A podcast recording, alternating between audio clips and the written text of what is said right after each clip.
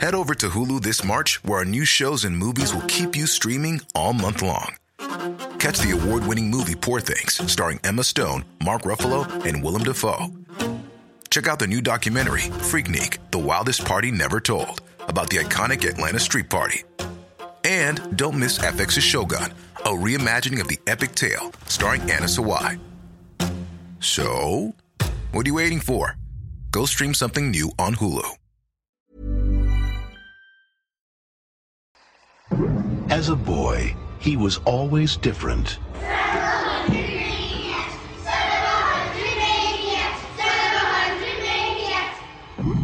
No one understood him. You ready for it, boy? It's time to take your medicine. Thank you, sir. No one could control him. Go inside, honey. But now, it's a new beginning. The beginning of the end. Välkommen till skräckfilmscirkeln, gott folk och mardrömsentusiaster. Idag så har vi ett helt galet, drömst och skrämmande avsnitt i något som jag skulle kunna kalla skrattarna på Elm Street. Idag så ger vi er en djupdykning i Terror på Elm Street 6. Eller A Nightmare on Elm Street 6. Freddy's Dead alltså, The Final Nightmare. Många titlar, många namn. Den svenska kan jag inte riktigt, den har jag glömt bort. Men vi ska gräva oss igenom en mardrömsvärld, slänga in en och annan Vem var det som skrämde mig skämt och försöka hålla oss vakna i ett poddavsnitt som lovar mer komik och en rysning och kanske lite stand-up komik i en skräckfilm. Fredrik, hur har dina mardrömmar varit sedan eh, vi spelade in sist? Med tanke på hur Freddy har chanserat här så är det inte skrämmande längre. Men det där måste jag kommer få mardrömmar om det är om jag inte får korrigera titeln. För den heter ju inte A Nightmare on Elm Street 6, eh, Freddy's Dead. Utan den heter Freddy's Dead. Det är nu man skippar A Nightmare on Elm Street och det kommer inte komma tillbaka förrän remaken. Och det var ju otur att den kom tillbaka.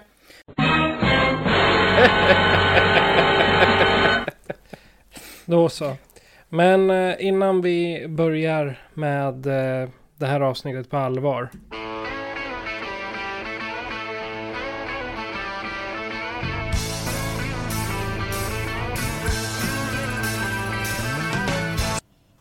Hejsan Ulf. Ja, får vi höra klappningen igen då? Ja, det är bra. Jag är besviken. Vackert. Ja, jag också. Nu, nu är det ett tag sedan vi, vi, vi pratades vid med dig sist. Eh, Du var med i första avsnittet om jag inte minns helt Ja. fel. Hur, hur har dina mardrömmar gått sedan dess? Jo, de har faktiskt varit fler än vanligt, vilket jag är lite bara hmm. Eh, Men bara så här, så tråkiga vuxenmardrömmar som att åh nej, jag kommer för sent till jobbet eller åh nej, min cykel har gått sönder eller jag glömde betala räkningen så att det är liksom inte så bloddrypande direkt. Men i vanlig ordning då tänkte jag vi skulle prata lite om vad vi har sett sen sist. Så eh, gästerna först. Ja, oj, det, jag har ju sett mycket, mycket sen sist. eh, sen vi pratades vid. Eh, Men eh, det senaste jag såg såg jag i måndags. Och det var konferensen. Eh, Den svenska slashern baserad på Mats Strandbergs bok med samma namn.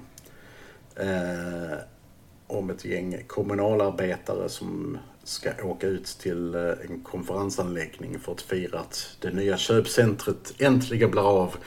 Men det är inte alla som vill att det ska bli av. Punkt, punkt, punkt. Dam, dam, dam. Eh, sjukt underhållande. Eh, nu har den inte så stor konkurrens när det gäller slasher hos Sverige. Men eh, det är den klart bästa svenska slashern jag har sett. Så att, eh, Jag har ju hö... Jag har ju höga förhoppningar här nu att äntligen kanske det svenska skräckfilmsvågen kommer. För Jag har ju sett och grinat här på min kammare, jag vet inte hur jävla länge, över att eh, Sverige, ja men vi producerar film, men vi producerar bara ja, en viss typ av film och det är typ Sune i Grekland 41 eller Beck senil dement jagar brott eller något sånt där. Måste det vara. Alltså både ja och nej. Alltså jag, jag, jag, jag skulle säga att det finns, ju en, det finns ju en hel del bra svensk skräck. Men det är sånt som oftast bara går på filmfestivaler och annat. Och sen aldrig får någon distribution. Nej, för jag, jag vet, jag själv har haft lite ö, örat mot backen. Eh, När man har liksom svensk skräck, eh, eller skräckintresset överlag så är ju liksom svensk skräck lite sånt där man söker. Eh, Mycket är ju ganska låg budget. Men det finns ändå så. Jag vet att jag kom över en svensk slasher som heter Blood Runs Cold.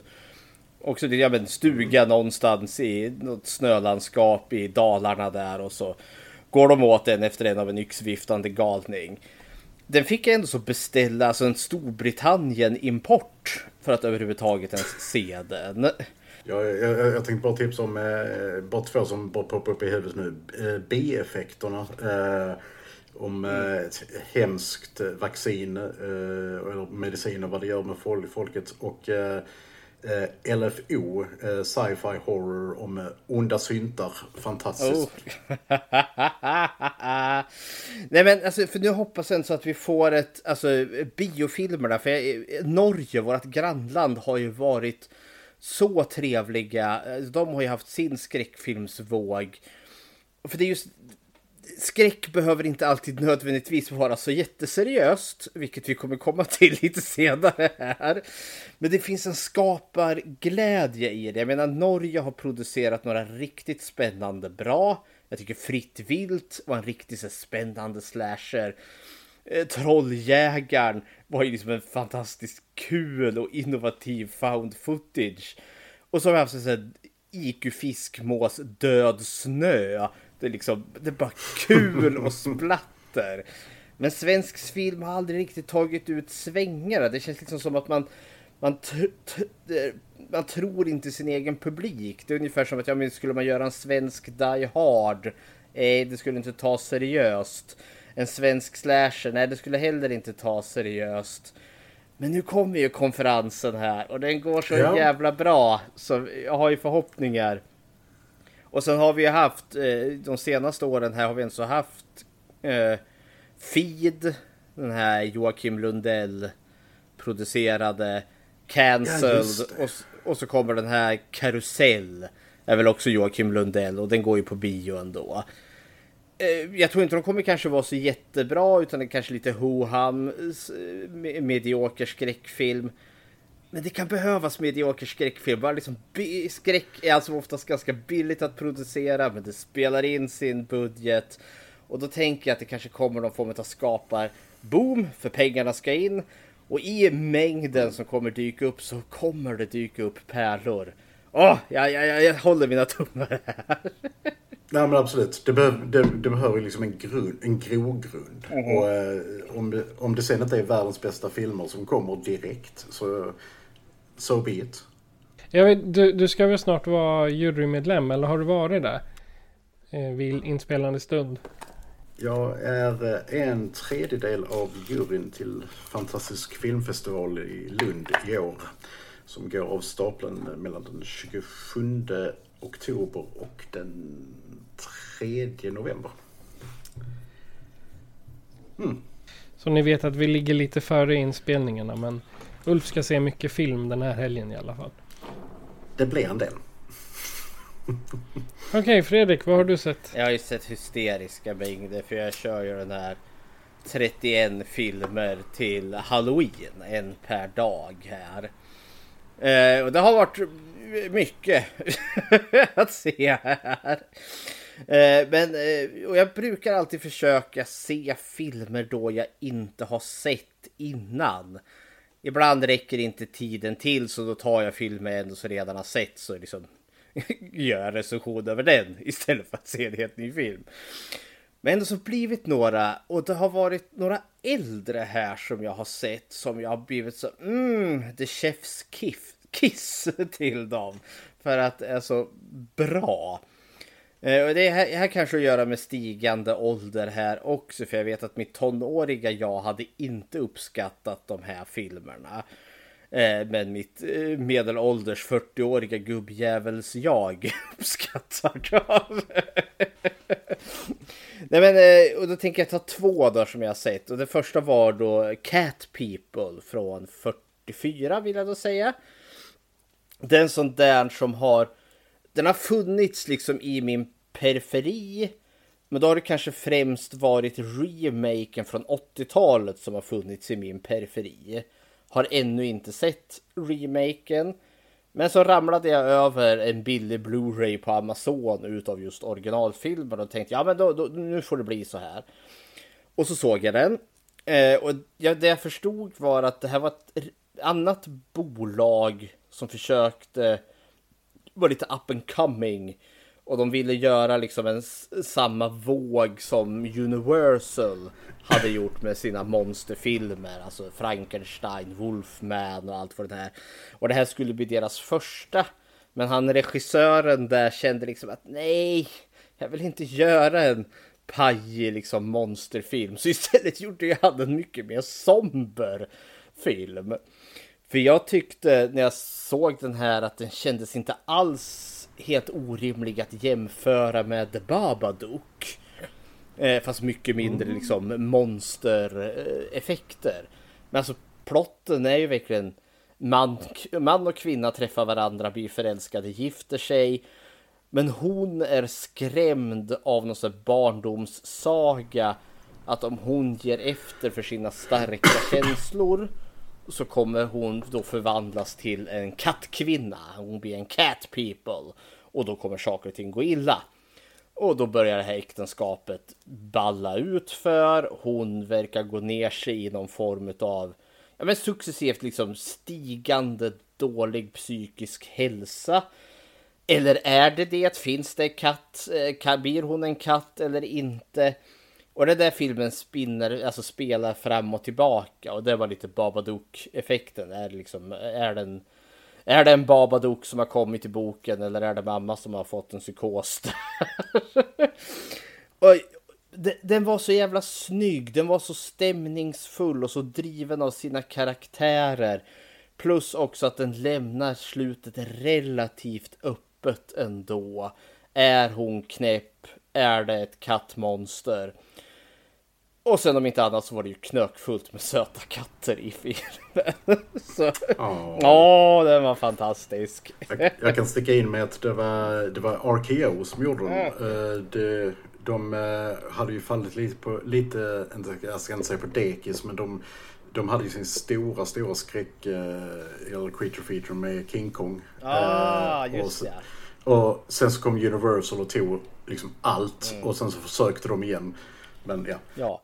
Och jag ska säga läst mig till att tydligen Cat People där då ska också vara den filmen som brukar krediteras att vara den skräckfilm som har den första jumpscaren.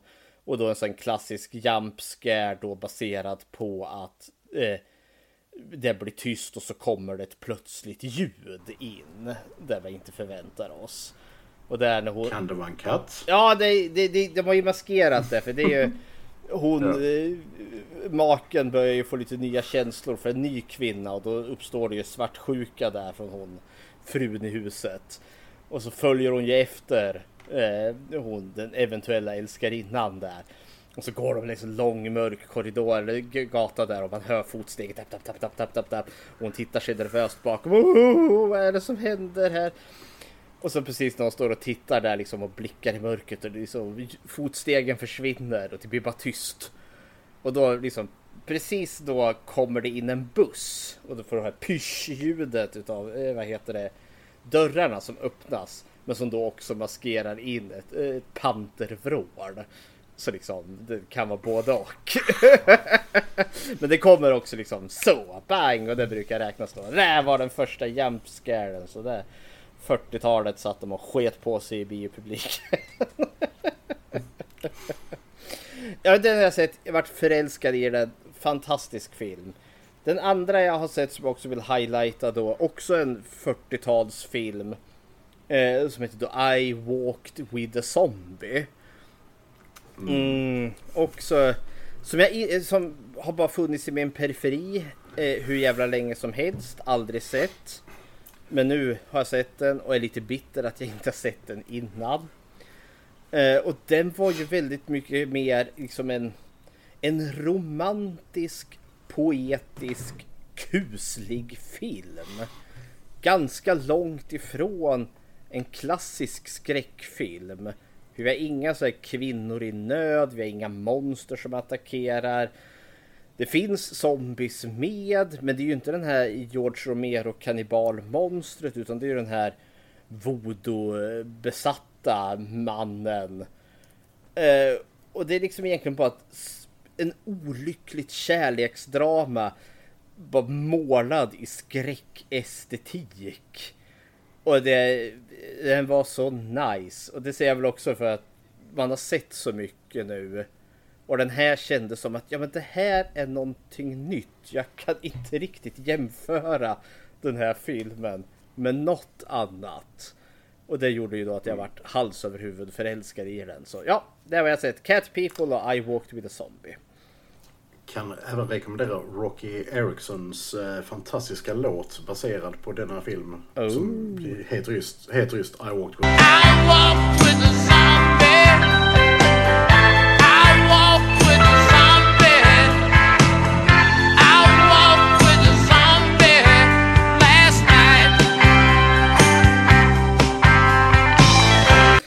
Jaha, Patrik då? Vad har du sett?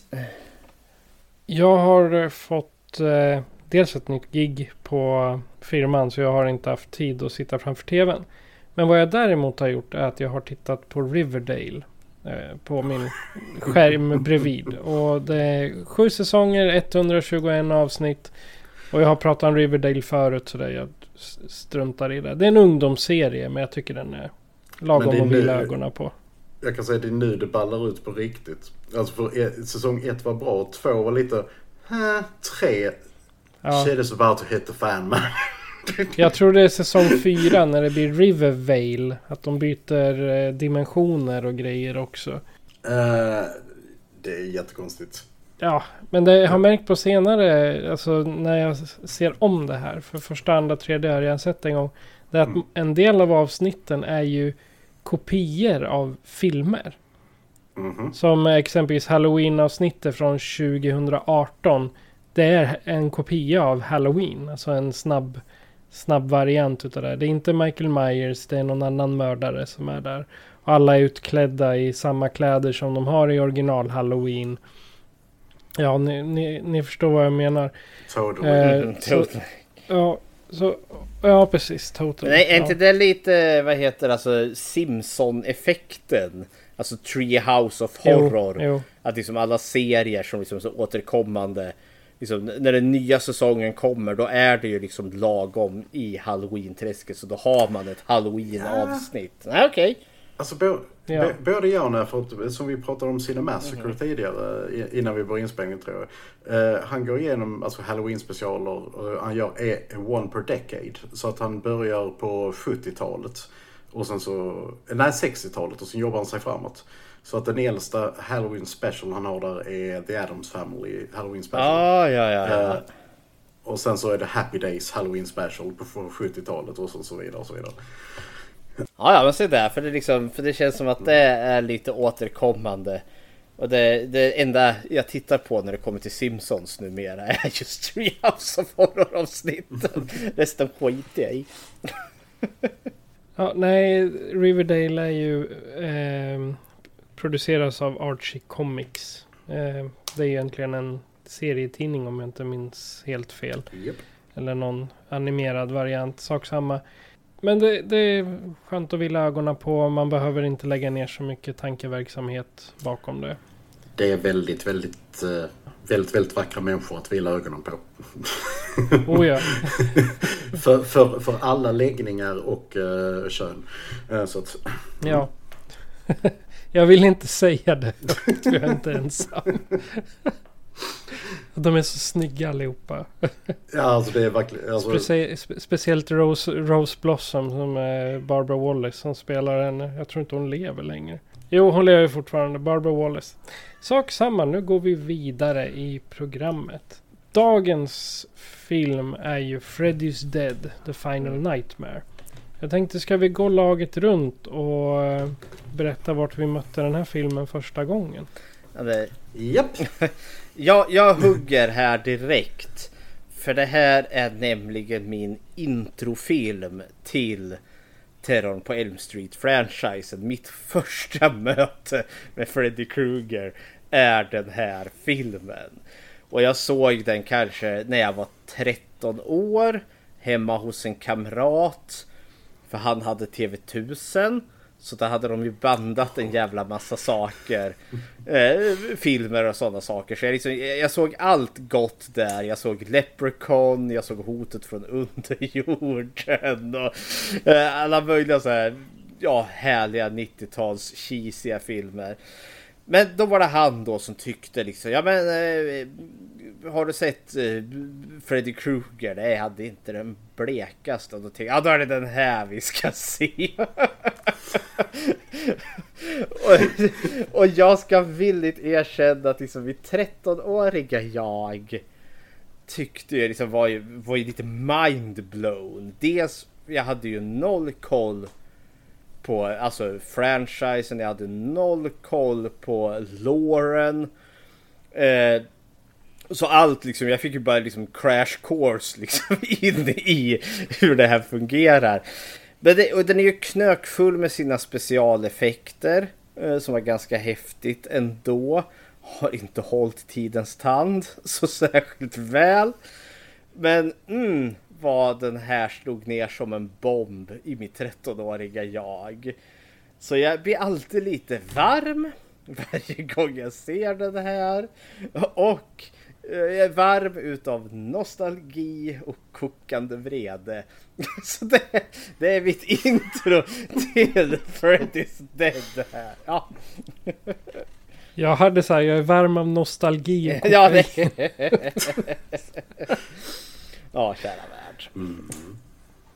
Ulf, Eh, den här är lite speciell för mig också, men inte av samma uh, ilskefyllda kokain-rush som eh, Fredrik sitter med. Utan eh, det är snarare att den här var sjukt svår för mig att få tag i.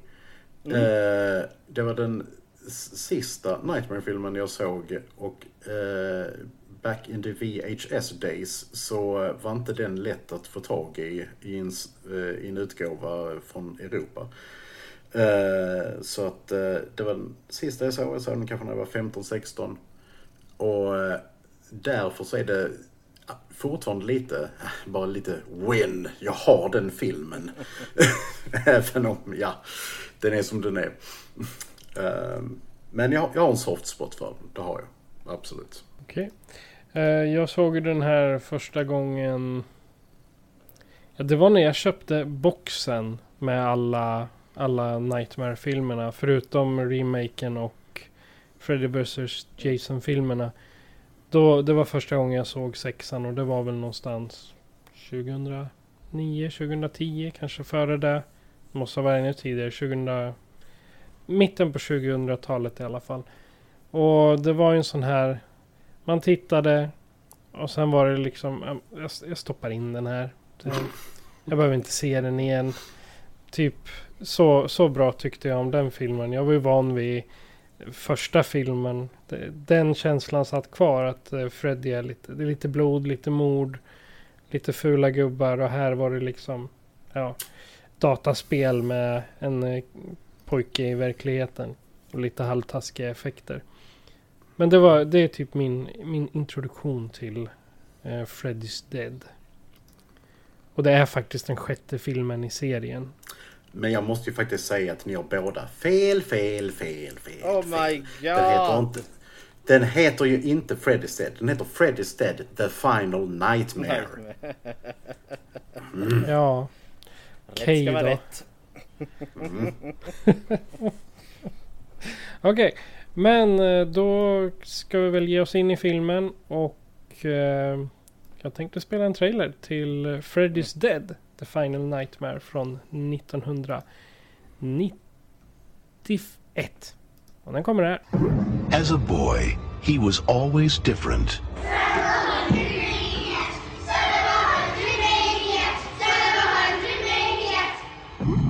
No one understood him. You ready, Gourd boy? It's time to take your medicine. Thank you, sir. No one could control him. Go inside, honey. But now, it's a new beginning. The beginning of the end for Freddy. Every town has an Elm Street.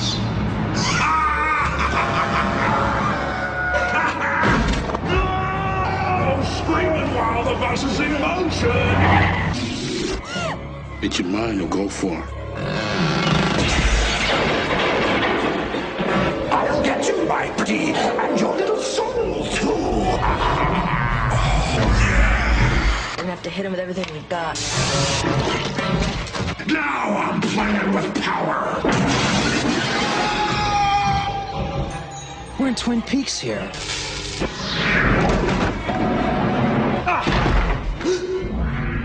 It's gotta be me and him. You want to live? Maggie, watch out!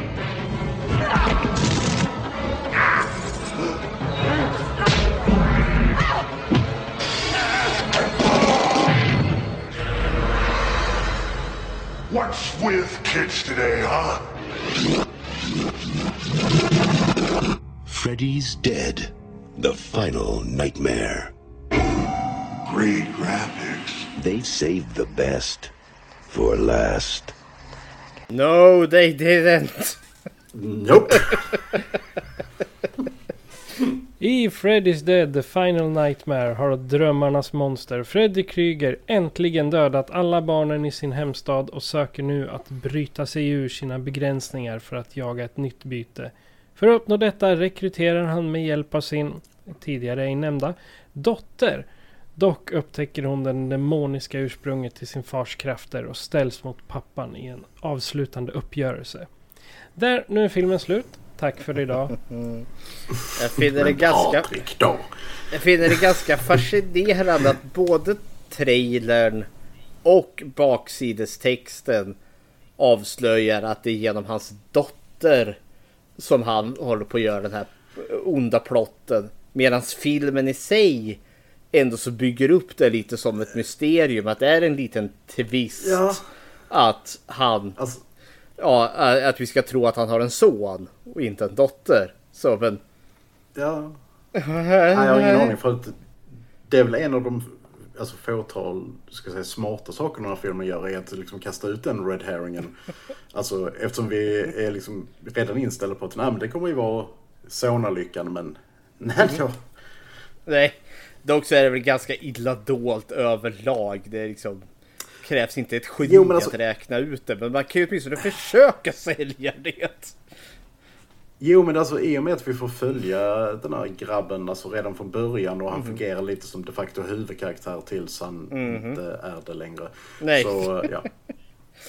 Ja, kära värld. Ja, den här filmen har många problem och det startade nog redan i, i trailern. Startade det. Ja, Ja. kära värld. Ja, vi har ju egentligen eh, det allra lättaste. Det är att gå på våran vanliga uppbyggnad. Initiala tankar har vi redan haft. Så eh, jag föreslår lite karaktärer. Ja, men vi, vi, hugg, vi hugger väl våran... Eh, vi är överraskade nu. Dottern där. What? What? Eh, Karaktären... It's a woman? It's a wo- Maggie Burrows. Eller också Catherine Kruger. Ja. Lisa Sane heter hon ju i verk- verkligheten. ja. Besläktad med Bill. Syrra till Bill. Mhm. De är slåendes lika faktiskt. Ja, jag föredrar Lisa nog ändå. Ja, jag, och jag föredrar nog Billy. Ja. Ja, min, min, mina procent drar mer åt kvinnorna. Ja, så att, och vi drar mer åt Billy då. Jaha, våran... eh, Vad är... Alltså hon är en... Eh, b, b, Socionom typ? ja, arbe, arbetar på The Recovery House Youth Shelter. Eh, som måste ha en budget liksom. Där liksom st- statskassan tog slut och så hittar de lite skrap längst ner där. Ja men kastar åt deras håll. För det... det De kan ju ut- sälja, sälja alla vapen de hittar. Ja, ja, vi kommer väl till miljön. här, Men hon arbetar på det här Youth Centret eh, och ska hjälpa ungdomar på glid. Jag skulle kalla henne en socialsekreterare. Ja, alltså någon typ av så här socionom, socialsekreterare. Mhm. För hon är, hon, är, inte- hon är inte terapeut eller psykolog. För det är Nej. ju Japhet, Japhet Kotto. Jajamän. Som är där, jag är det 30 minuter i veckan. Ja, jag bara säger. Han får 23 minuter per ungdom i- och vecka. Det är liksom bara... Mm. Ja, nej men, eh, men hon- är ju en ganska eh, hands-on karaktär. Hon är ju inte den här, jag, jag sitter eh, för sessioner eh, bakom mitt skrivbord. Utan hon är ju väldigt handfast på.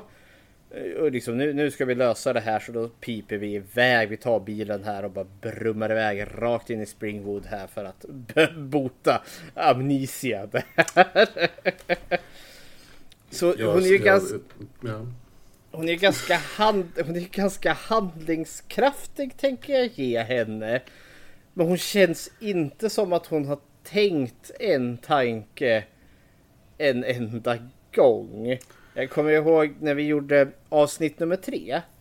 Då, eh, med Boris. Då pratade vi om Nancy där som återvändande. Att hon var rysligt naiv. Eller eh, handlingsförlamad kontra hur jävla badass hon är i, i första filmen. Men lik förbannat så är Nancy även i trean också liksom en kraft att han, alltså rankas med. Så hon, hon battlar upp mot Freddy i slutet där. Och det känns ju som att hon har ändå som plan och en tanke. Maggie! Jag vet, alltså hon är handlingskraftig men det här finns det ingen plan. Det är bara rakt huvudet först in i väggen. Platt! Alltså jag, jag, jag, jag är så yrkesskadad så, jag, så det första jag tänkte när de satt sig i den här jäkla vanen och åker iväg var så bara Men Mhm. var är din riskbedömning? alltså om någonting går fel här. Alltså din röv kommer ryka och eh, nu löser de ju det väldigt snyggt för att det är ingen som kommer ihåg ungarna som dör. Nej, Men ja, nej. vadå, de, har, de har aldrig varit här. Nej det, jag satt också och störde mig på det här fruktansvärt mycket. För vi, anledningen att vi kommer tillbaka till Springwood är ju för att de har, polisen har plockat upp han John. Som bara kommer kallas för John Doe för man vet ju inte vart han heter. Som de ungdom som de tror lider av minnesförlust. Han har en artikel i sin bakficka eh, som handlar då om Springwood. Amanda, Amanda Kruger. Amanda Krug, ja. Eh, och därför ska hon ta med sig grabben på eget bevåg. Stoppar in den här grabben och så kör vi iväg till Springwood. Och så upptäcks det liksom att tre andra ungdomar på glid har gömt sig i bilen.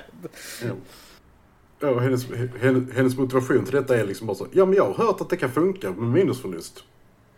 Ja, ja okej. Let's go, Ja, och till och med... För liksom jag känner liksom när vi, när vi kommer så där långt. Vi köper att det finns någon terapeutisk tanke med att köra dit Joey. Men när de andra tre kidsen dyker upp som har rymt från eh, ungdomsbehandlingshemmet. Eh, ja då är det ju bara, nej men då, det är bara vända och köra raka vägen hem igen. Men hon Nej, vi, vi stannar till och så skickar vi tillbaka dem. Ja, och liksom, Ja. och hon liksom händerna i sidan, liten liksom skarp blick. Nu är det ni så goda och ringer tillbaka och säger att nu har ni rymt. Sen tar ni nycklarna och åker tillbaka. och så Vi tänker ni på vad ni har gjort. en bil. Ja. Det får henne att Mm. verka stendum i mina... Ja men grejen hon är ju stendum. Ja. Alltså, hon, är skri- hon är skriven stendum så att Mhm. you can't do much with that. Man hade alltså, det finns ju visserligen en annan, alltså liksom subplot. För hon, det finns en, alltså i den här artikeln om Amanda Kruger så finns det ju ett foto. Eh, och i bakgrunden så sticker det upp ett vattentorn. Och det triggar ett minne som hon har från sin barndom. Eh, så det finns ju en stake att hon någonstans vill hon också eh, alltså till Springwood för att liksom ta reda på vad är, vad är det här minnet som. Men man rampar aldrig upp det. Hade det varit mer liksom hennes agens liksom, oh jag måste veta. Liksom att det kanske hon börjar misstänka att hon är dottern till Freddy Krueger eller något sånt där. Men nej, det har vi inte. Nej, nej, men, men, men enligt henne så har hon ju inget problem. Alltså hon upprepar det hur många gånger som helst. Nej, men jag har inga problem. ja, Okej. Intala dig där du lilla vän. Ja. Jag har inte känt en socionom som inte har problem. Nej. Därmed inte sagt att, därmed inte sagt att jag inte tycker om dem. För det är bra, Nej. bra människor oftast. Men ehm, Apropå Lisa Sane så hittar jag en, eh, en tv-serie som hon är med i. Som jag tycker kan passa till era Dino-specialer. Den heter Dinotopia. Den spelades mellan 2002 och 2003. Det är... Det är väl en eh, animerad serie har jag för mig. Nej, det här är riktiga människor. Och riktiga dinosaurier kräver jag. Jajamän. och hon spelar rollen Definitivt. Lesage. Lesage. Ja.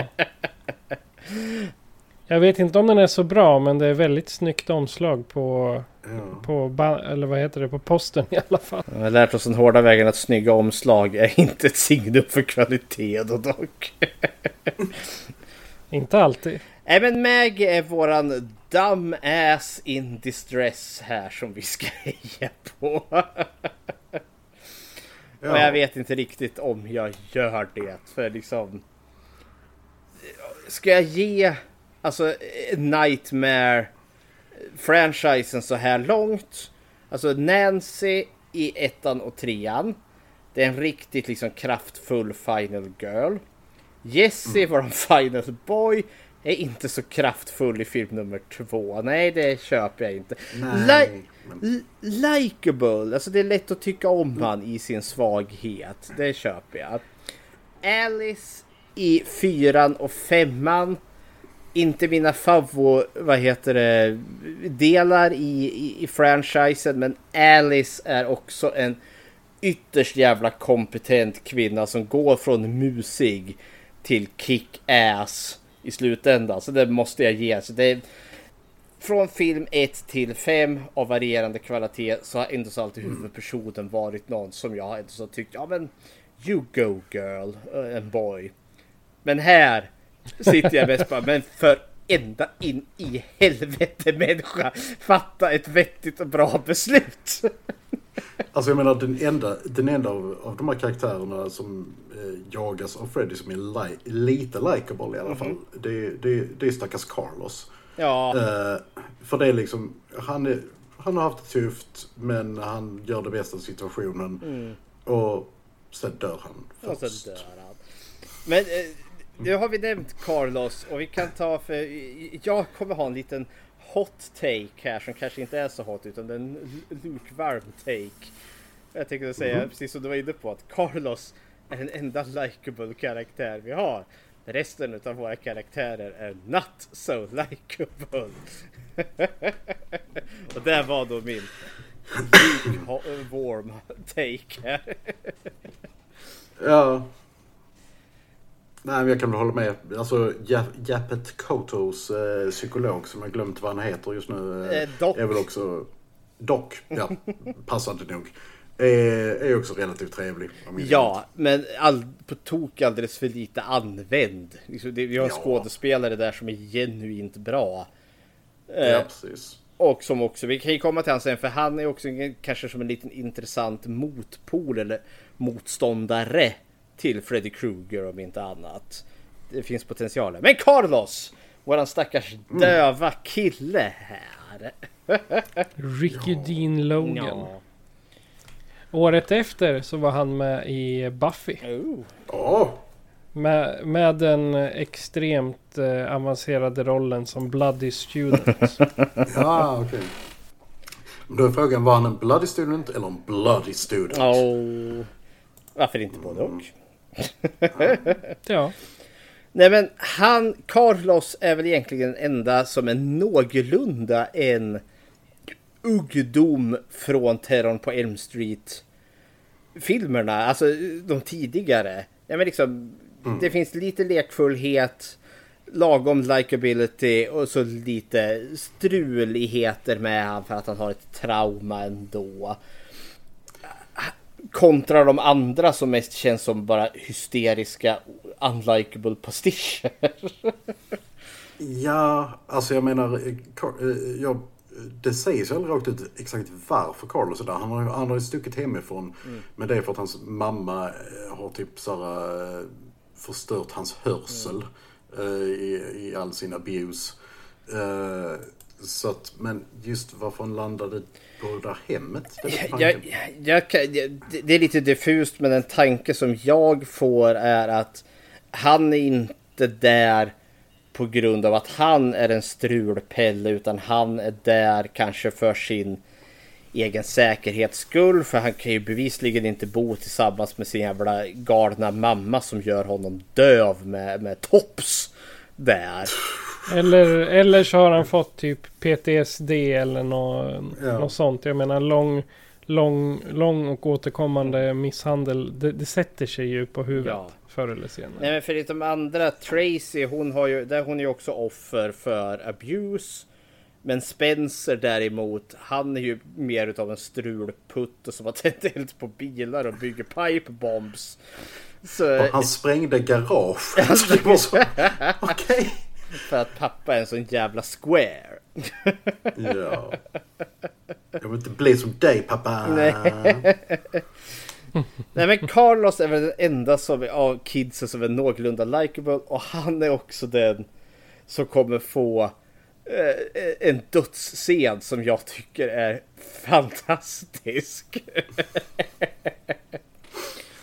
Ja. Ja, kära nån.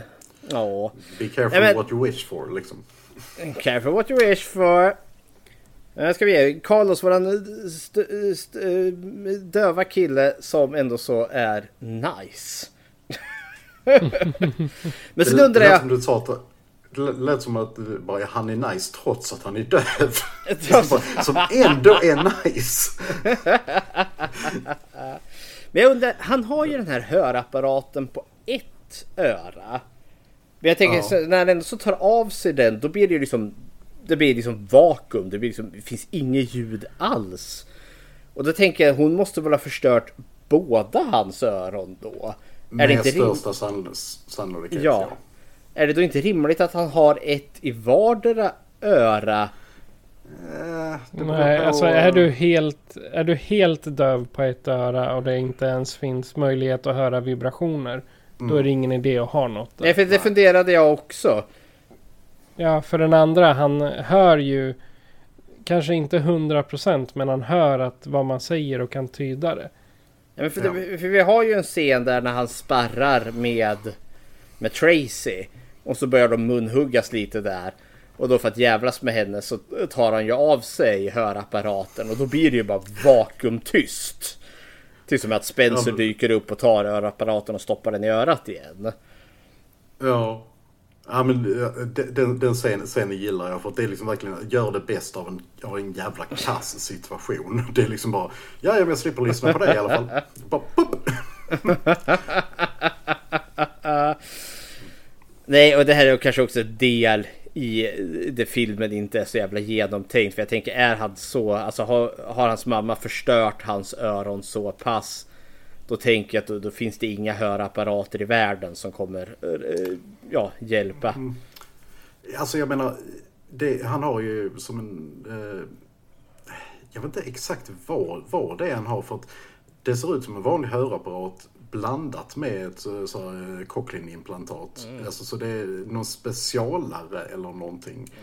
Eh, men för att eh, jag vet att många, många som är hörselskadade de har ju de här implantaten, alltså som de sätter Ja, med sändare här ja, ja. Eh, det, och det kan ju hjälpa rejält för de som är hörselskadade om man får sådana.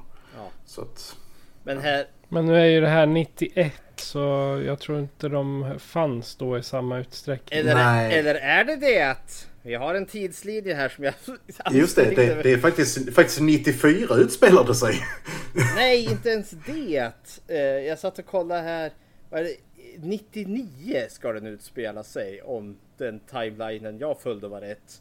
Här, Okej, jag, jag, tog, jag tog den från IMDB, där stod 94. Ja, nej, jag gick på en annan så här, eh, Nightmare Okej. on Elm Street i Wiki. Som bara var galningar som har nördat kring det här. För den, den säger 10 år efter senaste händelsen och det var ju då eh, Dream Child. Men- så har jag Men jag tror, jag, ja, jag tror du har absolut rätt för att om jag minns, om inte jag minns fel så i min VHS-kopia, och jag tror de plockar bort det på DVD, är, är att eh, jag har ett väldigt starkt minne av att den börjar med Springwood, Ohio 1999. Och att, så att, ja. Och det är också Och ingen har en Nokia 3310. Nej. 3210. Vi ser, kan ju komma runt det med att de bor på det här jävla sheltert. Men ja, och Springwood har ballat ur. eh, nej men, eh, ja. 99 eventuellt ska den utspela sig. Och det, något som har kickat tidslinjen framåt är att från film 1 till film 2 så har det också gått, vad är det, fem år tror jag. Så film 2 är ju den som pushar franchisen in i framtiden. Ja precis, jag ska säga ettan 84 och sen så tvåan ska utspelas 89. Ja, Right, ja. För att de hittar Nancys dagbok eh, som var, är fem år gammal. Ja, och sen är det ju då trean är väl då kanske året efter. Eh, så då är vi 90 då. Eh, Fyran är ju också fullt möjligt året efter som att vi har de Kirsten, Kincaid och Joe är ju kvar där så 91. Eh, femman, då är ju hon gravid och det är också året efter så 92 då. Något sånt, en, två år i alla fall. Så eventuellt 99 eller då 2002 ska den utspela sig. Ah. Ja, hepp. Ja. Inte alls förvirrande. Nej gud, om vi skulle bryta ner tidslinjen i, i slasher-franchises så skulle det bli så uh, galet. Så det, Ja, kära värld.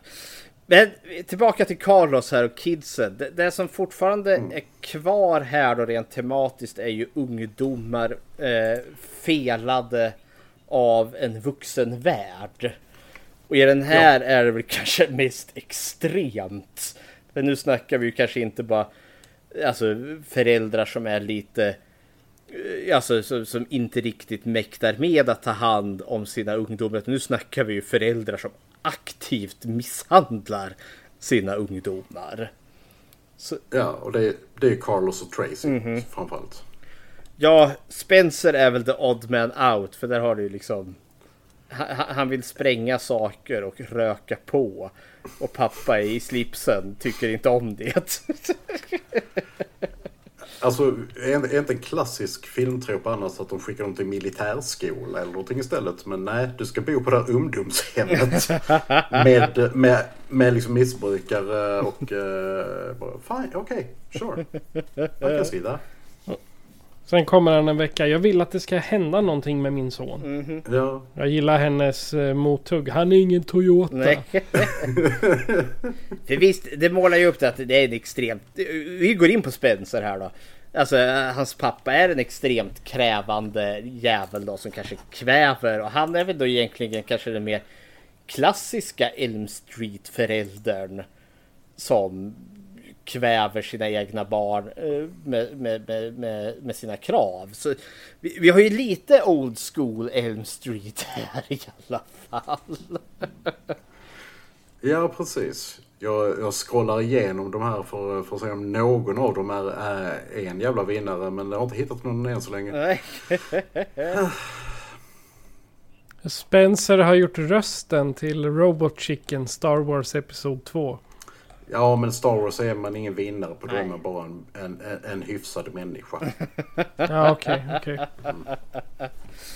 Eh, för de som vill förstå de här referenserna så rekommenderar vi varmt att lyssna på Film till fikat-podden. Där man kan få reda på vem som är en vinnare och vad man bör tillhöra då. Spencer. Jag kunde inte låta bli alltså när jag hörde, nej men okej, strulig grabb. Okej, lite drogliberal förstår vi. Men när vi får höra att han har sprängt, eller sprängt garaget, bränt garaget. Då var det lite så här, okej vänta. Nu har vi gått över en gräns. och sen... Alltså det är en sak att röka på, det är en sak att spränga garage. ja! Och sen strax därefter så kommer ju han, vad jag tolkar så här som chefen på det här eh, Youth Center och liksom se vad jag hittar på Spencers rum. Och då är det en jävla pipebomb som han har gjort. med, liksom med, med stubin och allt. och då sitter jag och tänker, Det är jä- jäkligt lyckat att hitta dynamit inne på ett vårdhem. Och de är ju förvånansvärt chill över det också. Att de är bara Oh you little rascal. Liksom, Ja, för jag känner liksom att nej, vi, det här liksom, nu snackar vi inte en strulig tonåring. utan vi fan, han har byggt en bomb, han har redan sprängt ett garage. Och det passar inte riktigt karaktären jag får se heller som är mer liksom den här far out man, yeah. Liksom som sitter och röker maja och liksom blir lite flummig. Kontra liksom ungen som liksom gör Weapon of mass destruction.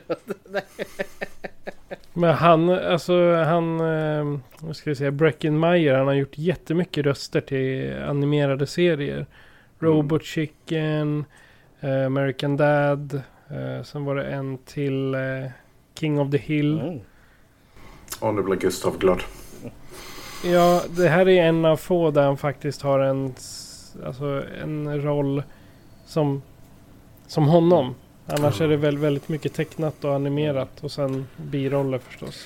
Det måste vara hans, eh, hans extrema hockeyfrilla som satte stopp på hans karriär. Alltså, för att, jäklar! Den där. 80 80-talet ringde och ville ha tillbaka den.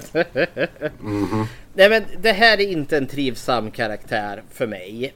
Eh, han, är ganska, han är väldigt bitchy och moany. Eh, och det känns... och han- Det är väldigt mycket munhugg med Tracy. Och vi kommer komma till henne snart här tänker jag. Nej men alltså...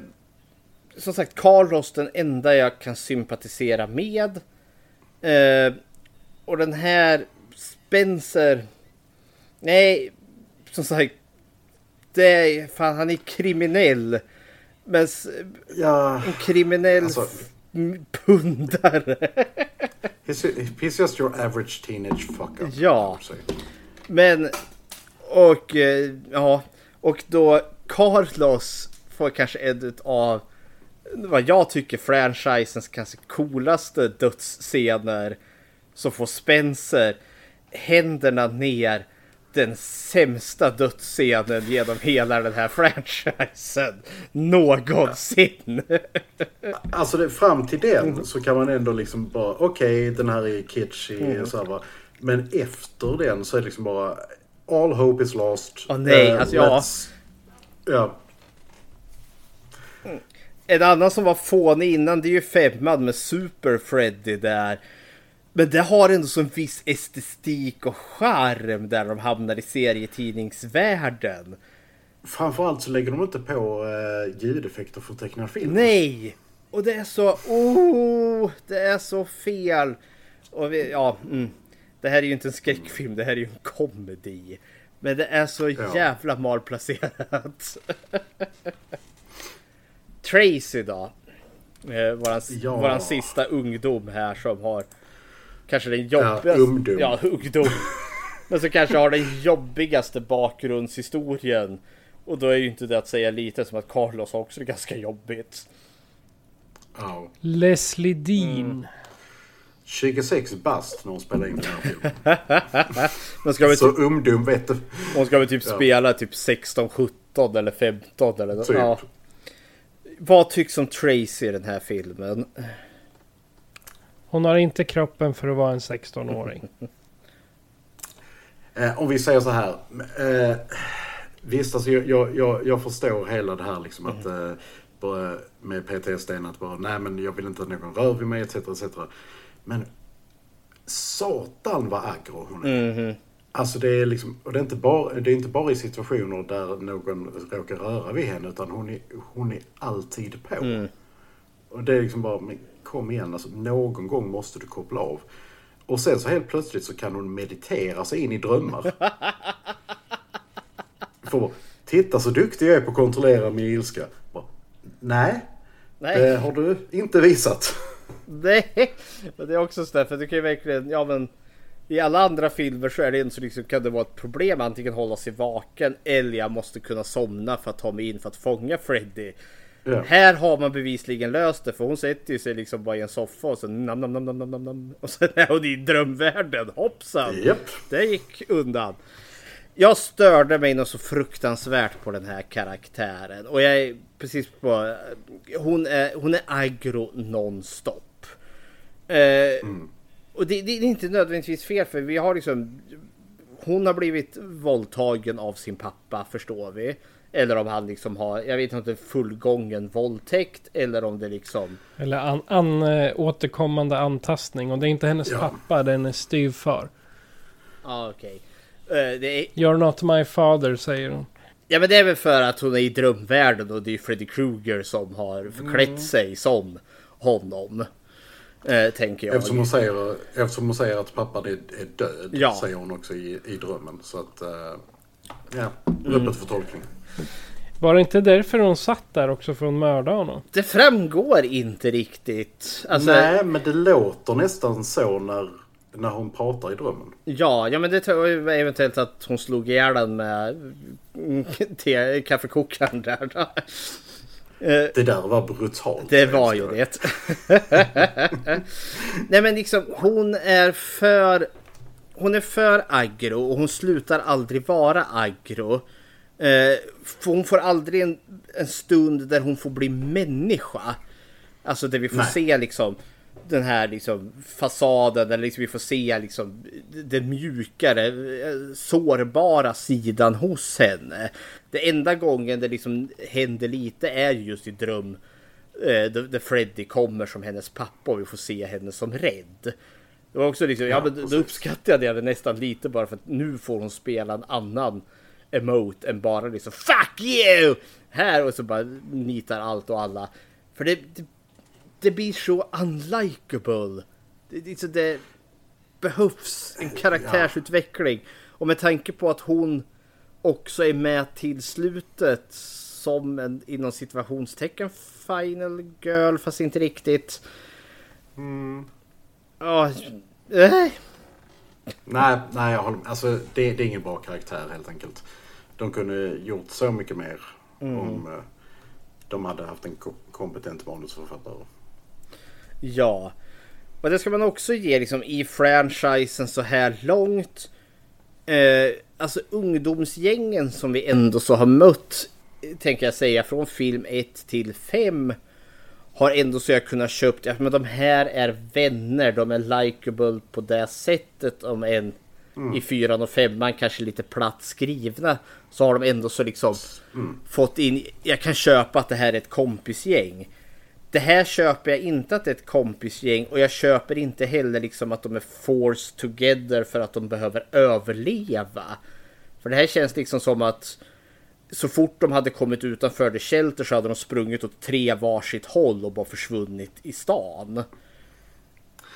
Ja, eventuellt så hade, hade väl Carlos kanske hängt på Stacy för de, de verkar ju ha åtminstone en vänskap. Eh, men eh, Spencer hade väl gått och sprängt ett parkeringshus eller något. Eller Zeta och blivit hög någonstans i någon kök. Men det ska, säga, det ska ändå sägas att Spencer får den bästa, eh, bland den bästa musiken i serien till sin dödsscen. Ja. Eh, Inagada Davida. Ja. ja, det. Och så har vi våran då eh, John Doe, våran introkille som vi ska eh, ledda att tro att det är sådan och eventuellt våran huvudperson tills han inte är det. John Doe. Sean Scherbla. Ja, vilket ett fantastiskt namn tycker jag. Ja. Han har inte gjort mycket. Han har inte det och jag tänker säga att jag förstår varför. För jag tycker inte att det här är den starkaste skådespelaren de har hittat heller. Han är riktigt dålig. Det finns framförallt en, en scen han har tillsammans med eh, lilltjejen som spelar eh, unga eh, Maggie. Eh, Som är vedervärdigt dålig. Eh, Där han säger bara Tell me, who am I? I won't tell. Nej, alltså här, jag vet inte riktigt vad som har hänt. Alltså, fanns det ingen ung talang som var intresserad att spela med i terrorn-franchisen här när de gjorde den här filmen? Eller tänkte de? Det var ju medvetet att det här skulle vara the final nightmare. De skulle göra slut på franchisen här. Tänkte de att ja, men vi, vi tankar det här medvetet? Alltså de höll ju sig bra mycket längre än många andra franchiser som har påstått att det, det var the final. Så att det får man ge dem. Ja, ja, men för det här är ju... Jag tänker ju säga så här långt, alltså jag tycker 1 till 3 är fantastiska filmer. 4 till 5 UD chanserar, men det är fortfarande underhållande filmer. Den här är ju ett magplask så står härliga till. Det är liksom inte en, ja, men, en, en två av fem utan det här är liksom bara rakt ner i avgrunden. How dare you? Samtidigt kan jag, kan jag inte, kan jag inte liksom undgå att tycka att den är fruktansvärt underhållande. Men det, är- alltså, det är inte för att det är en bra nightmare-film utan det är för att det är total jävla tågolycka. Gud ja! Och det, och det man så kan jämföra med de fem innan där så liksom... Oh, mm, mm. Är det, du Ulf, är det en sån här du tänker på? Eh, st- har, har du någonting större? Hei- Heidenberg! Ja, det är ju Manet! Det är ju Typ, typ en sån här stu, stu, Stuka-bomber. Head over to Hulu this March, where our new shows and movies will keep you streaming all month long. Catch the award winning movie Poor Things, starring Emma Stone, Mark Ruffalo, and Willem Dafoe. Check out the new documentary, Freaknik The Wildest Party Never Told, about the iconic Atlanta Street Party.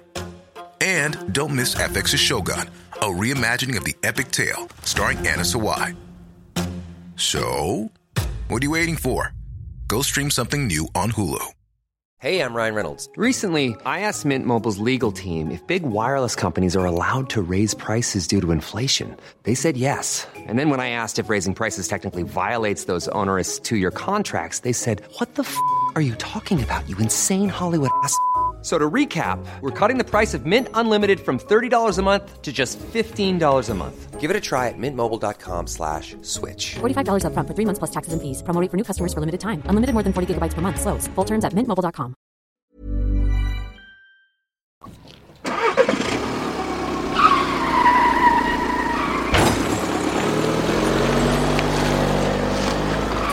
Ja. Där satt den. Plinget gjorde det. Ja. Ja men det är väl egentligen våra huvudkaraktärer. Vi, vi, vi har ju Doc då. Eh, Ja, Jaffet Koto. Jaffet Koto där. Han, eh, alltså hans, när han kom, då fick jag en liten throwback till Dream Warriors. Han kraftiga mörkhyade killen där också. Kincaid. För han var, ja Kincaid ja. Jag, jag fick en liksom, hmm, de kanske har tagit in honom för att ge en liten vinkning till Kincaid. Så långsökt, men jag, jag, liksom Kincaid studsade förbi i bakhuvudet. Mm. Och, eh, just det. Jag scrollar igenom honom också men eh, nej, det, är ju- det var ju Alien han var med i, inte Star Trek. Ja, i för, första Alien Mm. är det väl. Ja precis, Parker. Ja, eh, och ja, men det finns potential. Dels för det första, det, det här är ju den bästa skådespelaren i filmen. Förutom Robert Englund då. De är väl on par. Eh, Och, och eh, en cameo från Johnny Depp. Och en jävel från Johnny Depp som får en stekpanna i ansiktet. Nej men alltså, här, här känner jag att det finns potential att göra någonting som den här filmen inte gör. För han introduceras ju ändå som någon form av drömdoktor. Han, han, han är kunnig inom drömpsykologi och drömtydningar och sådana saker. Vilket jag känner liksom att här hade man kanske kunnat gjort någonting som att han blir så... Vi, vi, vi skippar hela den här jävla... Alltså vi, vi återvänder till det här jävla youth shelter och så blir de terroriserade av Freddy. Och så har vi han drömdoktorn där som liksom Hey what's going on here? Och som då kan möta upp Freddy Krueger som ett liksom aktivt hot mot honom. Mm. Det, det känns som att här fanns det någonting man kunde spinna med som filmen absolut inte gör. Alltså han är ju den enda, den enda egentligen intelligenta karaktären mm. i den här filmen. Alltså ja. han är ju han är välutbildad, mm -hmm. han har uh, massa teorier, han vill prova etc. Och alla bara ja ja, det, det blir inte så farligt. Nej, och han är ju också i franchisen så här långt den enda, alltså inom situationstecken då, vuxna karaktär som Freddy attackerar i drömmen. Och det tolkade jag ändå så lite som att ja, men Freddy gav sig efter honom för att eventuellt ta bort ett hot. För annars, Precis. För annars är ju inte det signumet för honom. Men jag gillade ju också med, med, med, hans, med den karaktären liksom att ja, men Freddy dyker ju upp i hans dröm. Och liksom och börjar ju med sitt lilla jidder där. Och han bara river, dock bara river fram ett baseballträ. Bara BAM! BAM! BAM! Han matar ner fanskapet ögonen bums. Och jag älskade det. Det är liksom så bara, nej du, du är skit, nu åker du båt. Inte för att du gör någonting i Freddy Krugers drömvärld, men jag, jag gillar det ändå. Liksom Freddy kommer med sitt jidder och det bara, nej, ja. det blir baseballträ i ansiktet. Ögonen bums. Ja, ja, nej men alltså, he doesn't fuck around. Han liksom, det är liksom, det är, det är likadant som, eh, som slutstriden när den kommer. Att det är liksom, ja men vi går ner till källaren, nu beväpnar vi oss. Här är alla våra vapen. Men det är det jag alltså, jag vill ha den här filmen egentligen med den här karaktären som strider för sina ungdomar eh, som blir terroriserade av Freddy Krueger. Det är, ja. tror jag är en mycket mer intressant film. Jag vill se den här kompetenta mannen som sliter sitt hår i en kamp för att liksom rädda ungdomar på glid. Det hade kanske blivit för likt eh, Dream Warriors men det hade varit en bättre film. ja, alltså jag menar, man, det finns bra mycket sämre filmer att jämföra med Dream Warriors. Mm. Så att, uh, mm. ja. Yeah, well. Ja, kära någon. Ska vi ha en liten shout-out till Roseanne Barr ändå? ja, Roseanne Barr och Tom Arnold faktiskt. Ja. Mm. Som childless man and childless woman. Och det är också det var... Oh, would you like to stay with us? Alltså jag, jag måste säga att det Freddy, Freddy aside och alla scener han är med Det är min favoritscen i hela filmen. För att, alltså, för att det är exakt den här repliken de fäller när de kommer, kommer till det här stället. Bara, bara We ended up in Twin Peaks. Ja. Det, här är, det, här är, så David Lynch. Mm. Som den gamle mannen som kör bumper cars och, och, och, och, och hela tiden säger vrum, vrum, vrum. ja, det ska jag också. Det är onekligen min favoritdel också när de kommer till karnevalen. Det är bara fullt med liksom vansinniga gamla människor som springer omkring. Nej, här känner jag också när de dyker upp då cementeras verkligen den här filmen att det här är en komedi. Innan har det liksom ja. det har funnits liksom stråk av komedi ändå. Men liksom de andra filmerna innan har ju varit lite mer åt komedihållet. Men eh, Roseanne Barr och Tom Arnold här och deras lilla sketch. Alltså nu är det bara rakt upp och ner komedi och nu är tonen satt. Det här är filmen vi får. ja. Uh, Roseanne Barr har ju spelat mot uh, Donald Trump. Eller Donald Trump har varit på besök i hennes uh, The Roseanne Show. Samtidigt som Michael Moore. Mm. Oh god. Där hade man velat vara en fluga på väggen. Ja, det här måste ju vara något så här 80... Vad står det? 88? Om jag inte har helt fel. Nej, 97. Det var jag som läste. Om jag förstått det, Roseanne Barr önskar väl att hon kunde bo permanent på Mar-a-Lago numera. För hon har väl riktigt halkat ner sig i den här magaträsket om jag förstått det rätt. Hon, alltså hon blev cancelled efter eh, alltså hennes show hade haft eh, fick nypremiär och så gick det en säsong och den var tydligen rätt bra nypremiären. Sen gjo- gjorde hon några sådana riktigt puckade uttalanden. Men det var väl något så här, förintelsen har inte hänt eller något sånt där. Ja, typ något sånt. Det var något så verkligen så här holy hell in the handbasket. Nu ska jag inte säga att det var exakt det hon sa, men det var något sådär som man inte bara nej, sluta!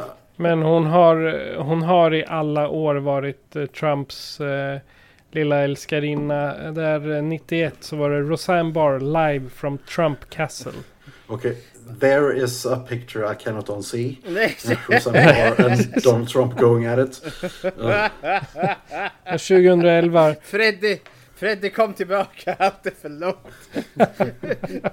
kill me, kill me now! Det blir lite som eh, den gammal mem från när eh, Mexiko slog Tyskland i eh, fotbolls-VM. Man ser Angela Merkel stå och prata i telefon. Hey Donald! Build that wall! Ja.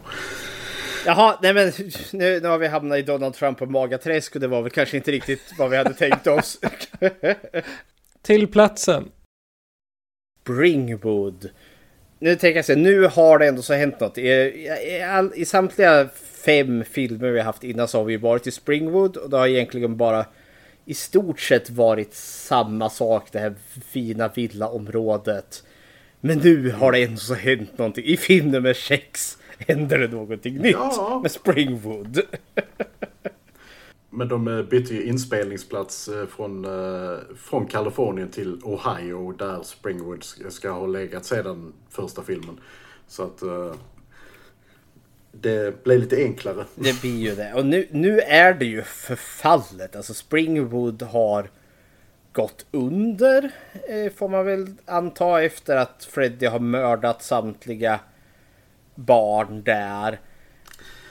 Alltså enligt eh, den här förtexten så, ska, ska, eh, så upplever de vuxna en slags masspsykos. Ja. Så att, Eh. eh, ja. Och det kände jag också att det här är liksom potential till en alldeles egen film. En stad där samtliga barn försvinner får vi ta i den här då. För de ändrar ju lite Freddy-mytos här. Och alla vuxna som finns i den här staden har förlorat förståndet. Jag känner att Masspsykos tror jag det står i början. Ja, men och det är ändå så. Vi får. I, I den här filmen får jag äntligen lite mer statistik. För jag har hela tiden funderat. Hur stort är Springwood? Är det ett rikemansområde till, angränsat till en större stad?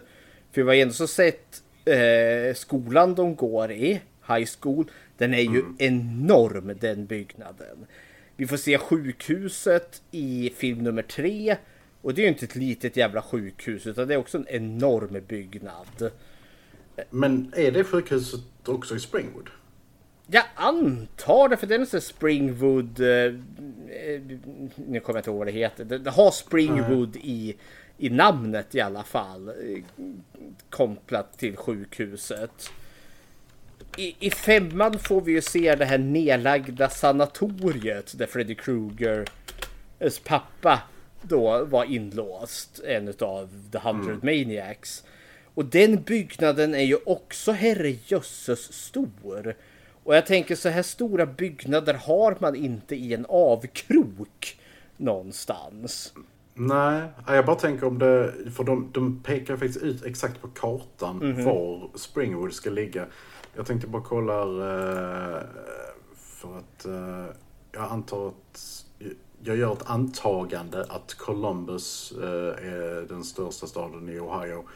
Som, Mm. Eller nej? Cleveland. Oh, sådär.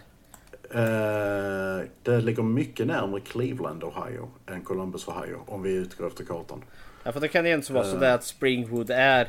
För själva Springwood, vi får ju faktiskt en siffra här nu. Eh, på den här Welcome to Springwood.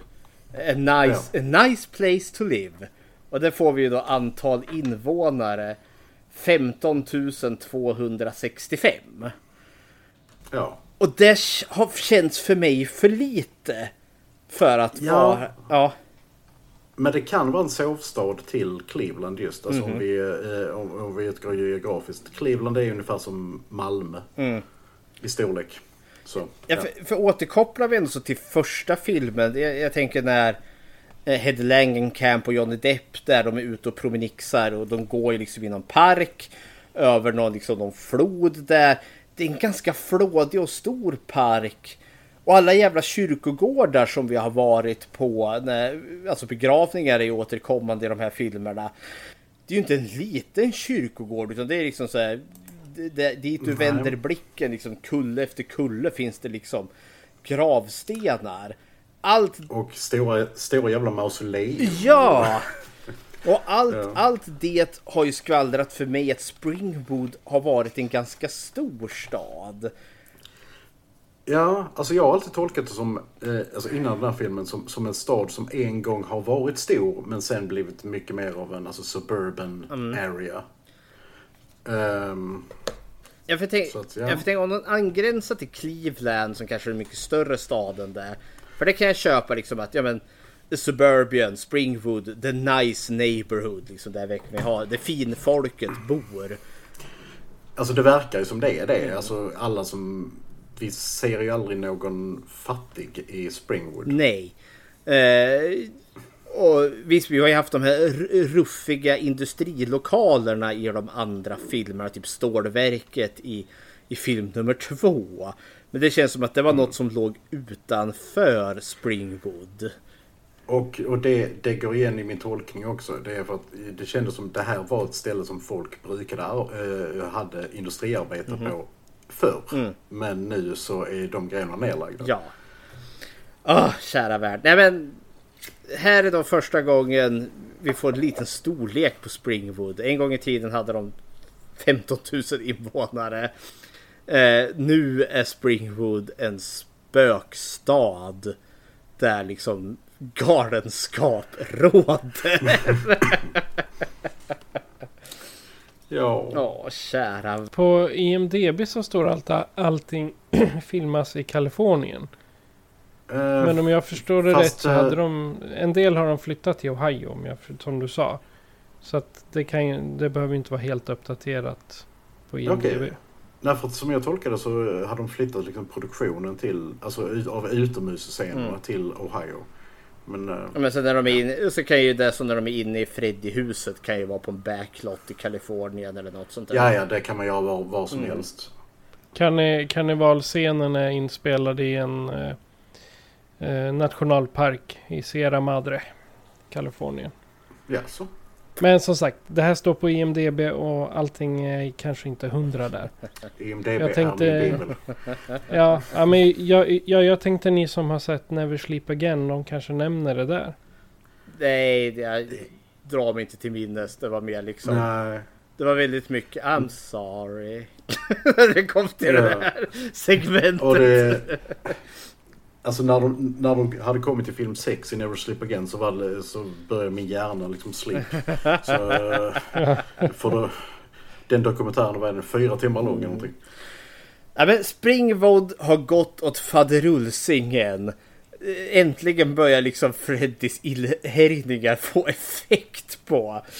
Men samtidigt som jag tycker det är kul så tycker jag också det är lite trist. För terrorn på Elm Street det hör liksom lite ihop med det välpolerade yttre som, då, som Mm. en front för det ruttna inre.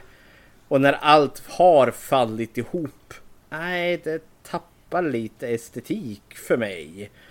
Det, tonen blir fel överlag. Alltså to, tonen är ju fucked up totalt i den här filmen. Gud ja.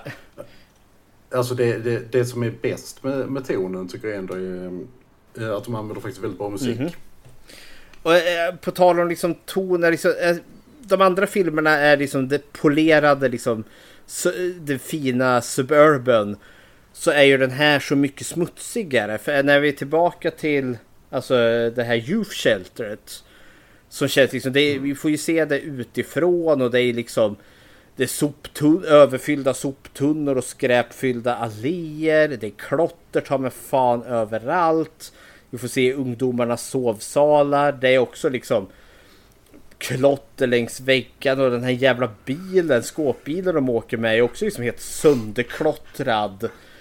Det... Och det är jäkla konstigt klotter också. Ja. Alltså om ni läste det var bara så... Va? reptile och... Uh, vad var det mer det stod? Nasty! Nasty! Ja, men alltså, det, det ger liksom en bild som man ska ha så en, en smutsig allé i New York som man gjort liksom i, i film där då.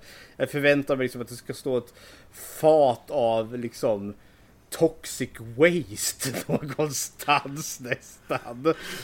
Alltså jag, jag, jag berättade för, för dig Fredrik i- igår att jag såg eh, slutet på ehm, eh, åttonde Friday. Mhm. eh, Jason Takes Manhattan. eh, på någon sån här gratistjänst på nätet. Och det är den känslan jag får. Mm. Alltså deras bild av New York. Det, är- det, det är den här känslan. Ja men det, ja. Och jag, jag förstår inte riktigt. För det, vi har liksom den innan vi ens kommer till det förfallna Springwood. Så har vi det liksom även i världen utanför är saker och ting förfallet och jävligt. Så... eh. ja det är en stil helt klart. Men all- allt som oftast brukar ju det vara det är så här det är i Freddys drömvärld. Liksom, Ja, så det, det blir ingen kontrast däremellan. Nej. Men det jag tänker ändå så ge, för vi är ju i drömmarnas värld några gånger här. Och det finns några så genuint bra, och tillbaka till Carlos här. När han somnar, och vi får, han vaknar, han går längs korridoren. Och så går han runt hörnet och då har han liksom kommit in i, i, i ett annat lägenhetskomplex. Och kameran snurrar. Och sen liksom är det en stor tegelvägg bakom honom. Allt är gjort i en enda tagning. Då tycker jag mm, det här var en snygg övergång från ena till den andra. Där, finns vissa sådana. Det gör ju det. Absolut. Och liksom Carlos möter ju sitt öde i, i Freddys liksom industrilokal där igen. Där i slut, eller när han väl blir mördad. Och det är också så här, mm, nu är vi i riktigt härligt Nightmare-territorium. Sen kommer Spencer och förstör allting. Så ja, kära värld. Den här, den här filmen känns påkostad ändå. Eh, Do- Does it really? ja, Alltså, de har ansträngt sig. Ja, det- känns som att de har påkostat, men det kanske inte på alla rätt ställen. För den känns märkligt plastig om jag jämför med de andra filmerna. Som ändå så känns som att vi är kanske på en mer riktig plats. Medan här blir det väldigt mycket mer att vi är i en kuliss. Vi är ja, liksom på eh, ja, Lisebergs spökslott. den hade en uh, estimated budget på 11, 11 miljoner. ja, se där. Ja. Och de gjorde någonstans runt 35 i USA. Ja, och- och jag vet inte hur mycket av det kanske gick till teknik för den här är ju filmad i 3D också. Det var också en vanlig, en vanlig sökning på Google. Finns eh, Terror på Elm Street 6 i, i DVD i 3D? Ja, Jag tror inte det. Oh, ja. Jo, Finns det jag, jag, jag har en eh, reproduktion av eh, den på DVD. eh, och med eh, tillhörande glasögon. Men inte fan funkar det för det. nej. Och det, och det ska väl höra till också att hela filmen är ju inte i 3D. Utan det är ju bokstavligen i slutet där då den magiska in och konfrontera honom. Och så en sån magisk McGuffin-pryl. Så är det ju 3D-glasögon hon ska sätta på sig. Och det var ju signalen för biopubliken att nu är det dags att sätta på sig 3D-glasögonen. Åh! Ja, jag försökte bara kolla upp budgeten på filmen innan. Men jag, jag kom till eh, eh, Nightmare on Elm Street 5, The Audiobook. Jag bara va? Säg what? Den finns. Den finns. Nej. Uppenbarligen. Ja, eh, I Riverdale så heter en av gatorna Elm Street också. Every town has an Elm Street. Är det inte också eh, alltså, själva tanken eh, Nightmare on Elm Street att eh, själva benämningen Elm Street är en sån vanlig gata alltså det, som finns överallt. Det är väl det som är... Jo, Typ Storgatan. jag tror de, jag tror de sa att det är den näst vanligaste namnet på en gata i Ja. USA. Efter, efter First Avenue. Ja. Se se där. Okej, den var rätt påkostad om man jämför med den innan. För att eh, femman hade en budget på 6 miljoner. Ja, se där ja. Så det är nästan dubbla. Ja. Men jag, vad de har satsat det på det vet jag inte. För det är inte på Freddy Krugers makeup. Det är det inte. Jag kan för övrigt eh, informera om att femman heter Fredrik Krueger lebt på tyska. Oj! På tal om Freddy då. Det är dags för hotet här. Freddy Krueger i denna film. Vad tycks? Nej. Nej. no. Det här är ju fan clownpåsen Freddy Krueger och ingenting annat. Himmel och pannkaka. Det funkade när jag var 13 år. Han är ju han är ju så överspidad. Där han i de andra filmerna haft en och annan one-liners så skjuter han ju dem liksom som Arnold bara skjuter sin minigun i den här filmen. Alltså han, han är ju Wiley Coyote, Coyote numera. Alltså han, han har ju grejer alltså, i, princip från Acme Corporation som man använder. Uh, spikmattor och annat. Det är liksom bara... Ja, men han är verkligen en te- uh, Trollkarlen från Oz och... Mhm. Ja, men han är verkligen en tecknad karaktär här. Och det underlättar ju inte liksom att spe- alltså mordet på Spencer så har vi ju bokstavligen liksom ljud från en tecknad film i den här. Så själva konceptet om man ska tänka så en tecknad karaktär, ja men som en Wiley Coyote, Snurre Sprätt eller något sånt där. Som, som någon form av skräckfilmsskurk. Det konceptet tänker jag, men det, det är inte helt, det känns ganska kul ändå. Men det här är Freddy Krueger, det är redan etablerad karaktär.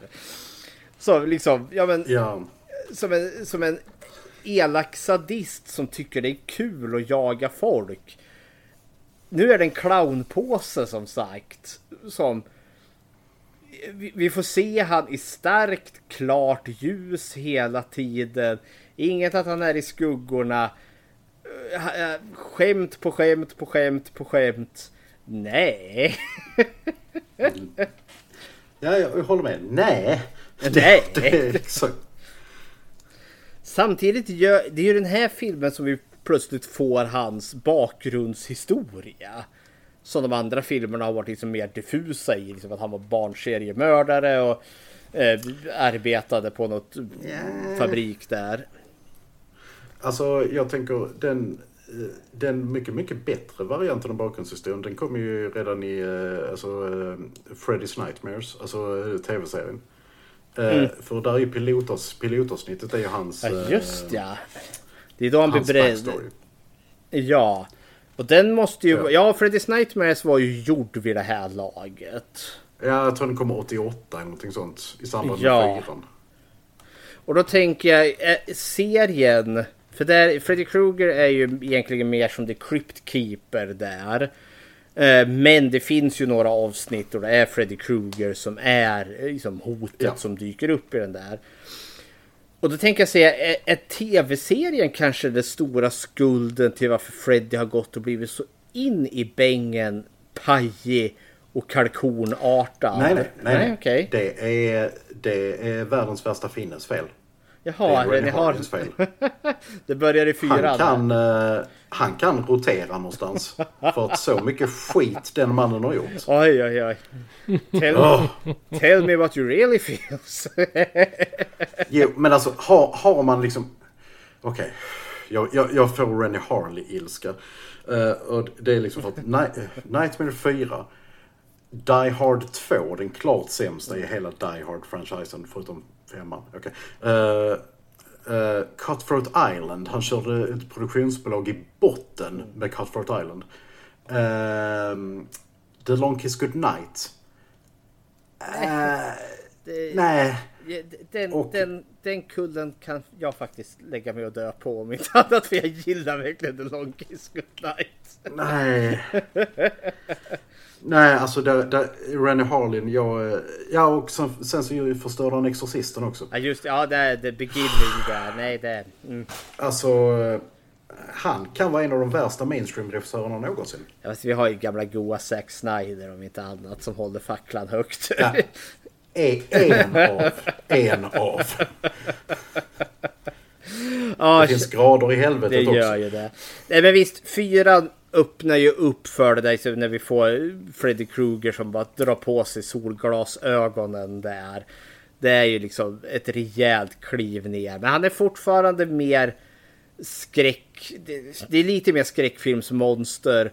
Även om man liksom varje mord är mer liksom komiskt lagt.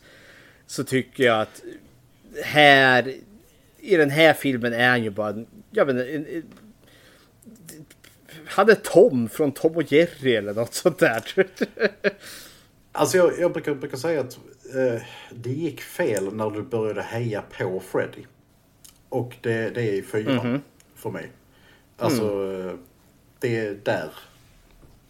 Och det, Ja, det är fucking Red Harlins fel. Ja, för, för femman drar ju ändå så tillbaka honom lite. Då är han lite mer otäck igen.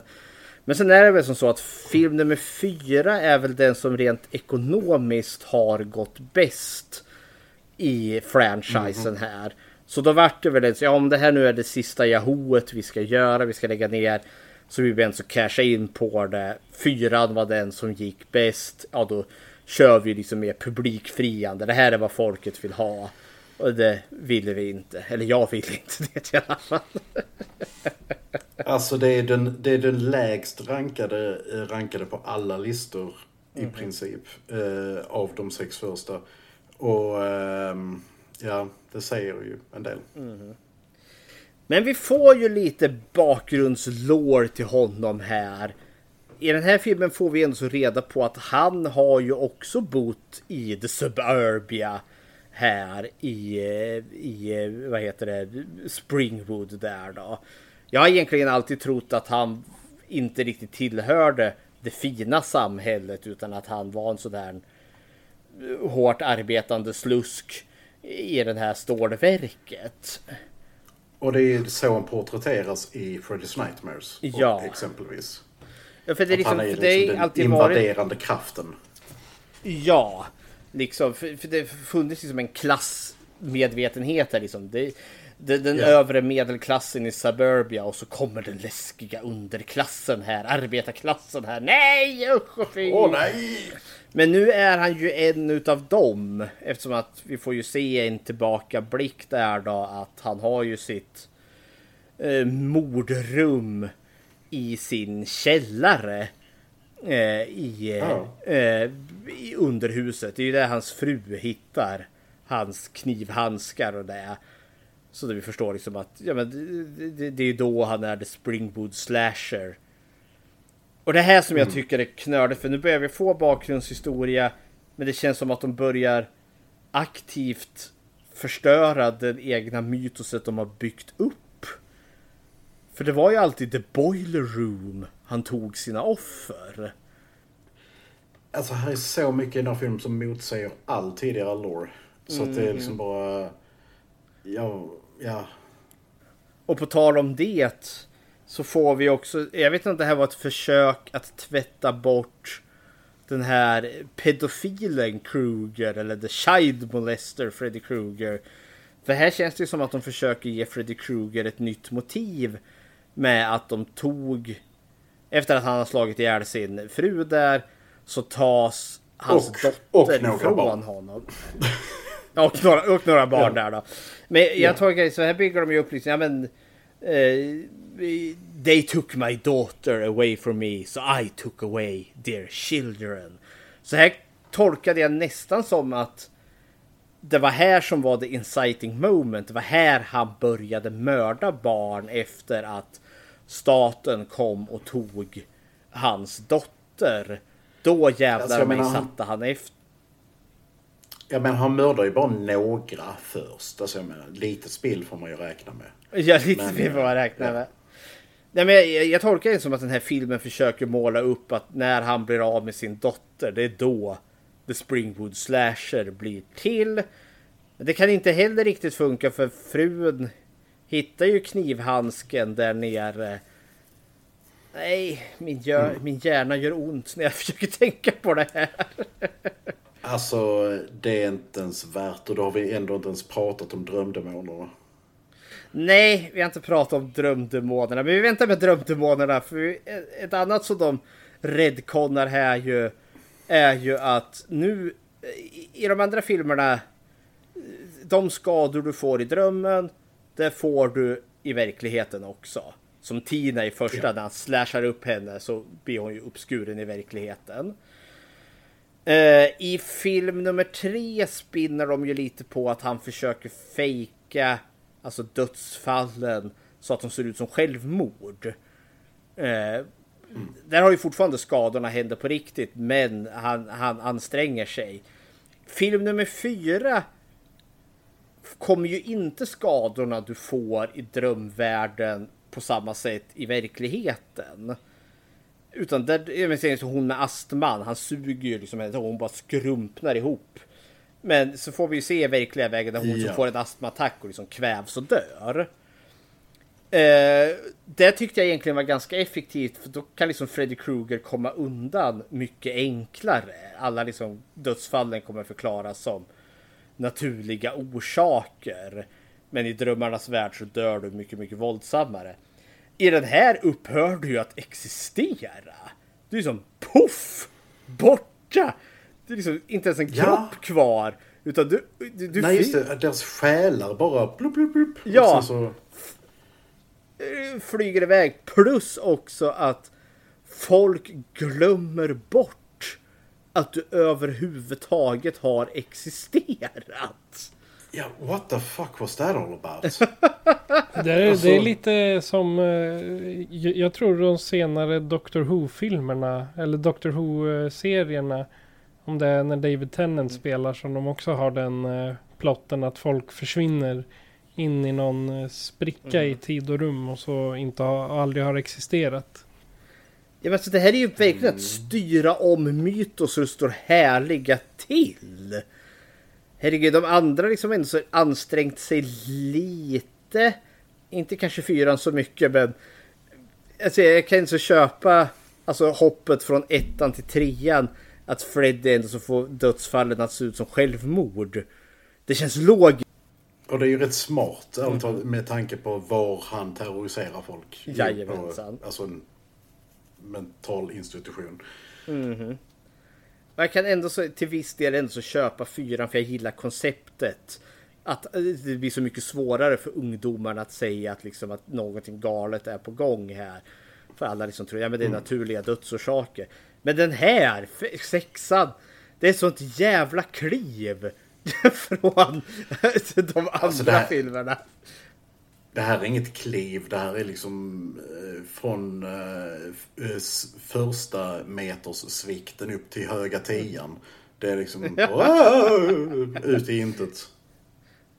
Ger det här Jump the Shark, får ett, får ett ansikte. Nej, det, det gjorde de faktiskt redan i fyran för där Ja. är en haj. Ja, just det. Nej, knivhandsken blir liksom hajen där. Mjau. Mm. Drömdemonerna då? När vi äntligen får förklaringen till varför Freddy är som Freddy är. Ja. Vad, Ulf, vad tycks om drömdemonerna? Det här är alltså tre stycken spermieansikten. Som eh, tydligen söker upp eh, folk som håller på att dö. Eh, och säger att om du är tillräckligt ond så kan vi ge dig allt du har velat. Du kan eh, leva vidare i drömmarnas värld. De här har aldrig nämnts förr. Ehm, så att... ehm, Ja. Take it away Fredrik. Det är också, ja, det, och det är verkligen, ja, vi får ju se en liten flashback närmare slutet där. När Molotov cocktailen kommer in. Och han ska precis till att ta eld och då dyker de upp där, de här tre spermierna. och liksom, Ja, men, eh, alltså, de ser what do you want? som spermier. Ja, what do you want? I want everything! Och det är då tydligen drömdemon. Så det är typ spermiedemoner det där. ja, de, de, de dyker ju upp De för första befruktar honom gången. med kraften. De dyker ju upp första gången på den här postern som han dock har i sitt kontor. Och då är de ju mer liksom ormar, de är reptiler ser det ju ut som. Men sen när de ska flyga omkring då har de ju blivit liksom ett stort huvud med en liten liten svans som sticker ut där bak. Förvillande likt en spermie. Men eh, vad ska jag säga? Jag kommer inte riktigt ihåg. Eh, säger han vad, vilken kultur den här postern är ifrån? För det, den kommer ju från någon sån här liksom ancient art exhibit. Men... Eh, Nej, det är jag, jag, anteck, nej. jag antecknar inte ens det. Nej. Eh, det. Det var ingenting jag noterade i alla fall. Utan han, han sa väl bara liksom att i, i någon sån dröm. Med, med, med, med tolkning. Det var väl inte sån sån. Ja. Jag vet inte om jag hade velat ha det mer liksom. Ja men i mayakulturen hade de bla bla bla bla. Jag vet inte om jag hade velat haft det heller. Alltså jag menar, om du slänger in drömdemoner så vill jag åtminstone veta var de kommer ifrån. Det, det är min ståndpunkt. Men eh, ja. Vi säger, de kommer ifrån New Jersey har jag beslutat. Ah, okej. Jersey Shores kom de ifrån. Ja, de verkar ungefär lika intelligenta. Mhm. Och vi får ju också se Freddy Krugers styvpappa här spelad av Alice Cooper. Så vi får ju se han som mobbat barn och sen som problematisk ungdom där som gillar att skära sig själv och gillar att få spö för att smärta Det ska ju också sägas att eh, han förtjänade att bli mobbad i den scenen. alltså med tanke, på, med tanke på vad han gör. Mhm. Han plattar ju en hamster där med en hammare där. Vilket också är så jävla orimlig reaktion från ungarna där. Alltså liksom. Ja! The son of a hundred maniacs, the son of a hundred maniacs. Alltså jag tror att om jag hade varit den där ungen så hade jag liksom börjat storgråta om jag såg någon klasskamrat bara mosa skolhamstern. Springa Alltså, de hade- till de hade Ja, de hade ju sprungit ut direkt. Det, det finns inte på kartan att de skulle stå kvar och liksom chanta. Såvida inte det här är någon slags eh, school for the young psychopaths eller någonting. Vilket bra bandnamn! School for Young Psychopaths. Nej, men Den här filmen går, börjar liksom gå mer liksom in i detalj på Freddys bakgrund. Men de gör det dåligt tyvärr. Och redconnar en jävla massa saker. Som får hela all franchise-mytologi att liksom bli ställd helt på ända. Ugh.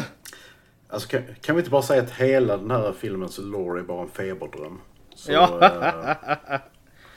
Och jag, och jag skulle vilja veta också varför är han begränsad till Springwood? För grejen är ju att han är fast där inne typ som en kupol som ligger över. Det är som en magisk gräns som han inte kan ta sig igenom. Och därför behöver han då eh, sin dotter att dyka dit. Så att han kan i en dålig kan- effekt Hitch a ride. Ja, det, så att han kan i en dålig effekt eh, hitch ride. Han kan i en dålig effekt hoppa in i hennes panna där.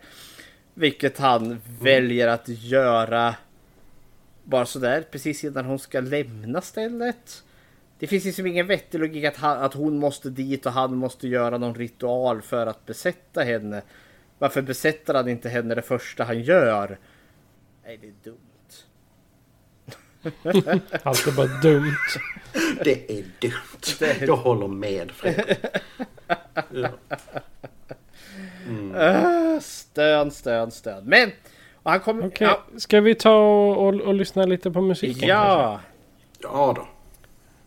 ja. Och eh, låten heter I'm Awake av The Go-Go Dolls.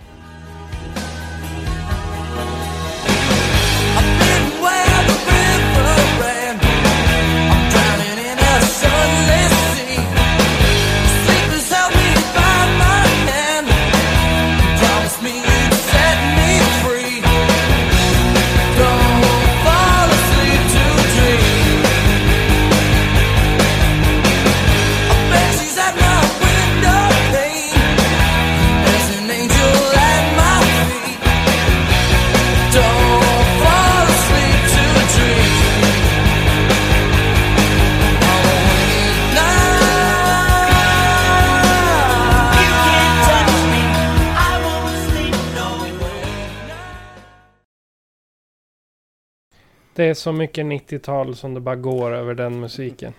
Alltså det här är ju så min jam. Uh, det är liksom så uh, alt rock från uh, tidigt 90-tal. Se, sent 80-tal, tidigt 90-tal. Uh, men det, mm.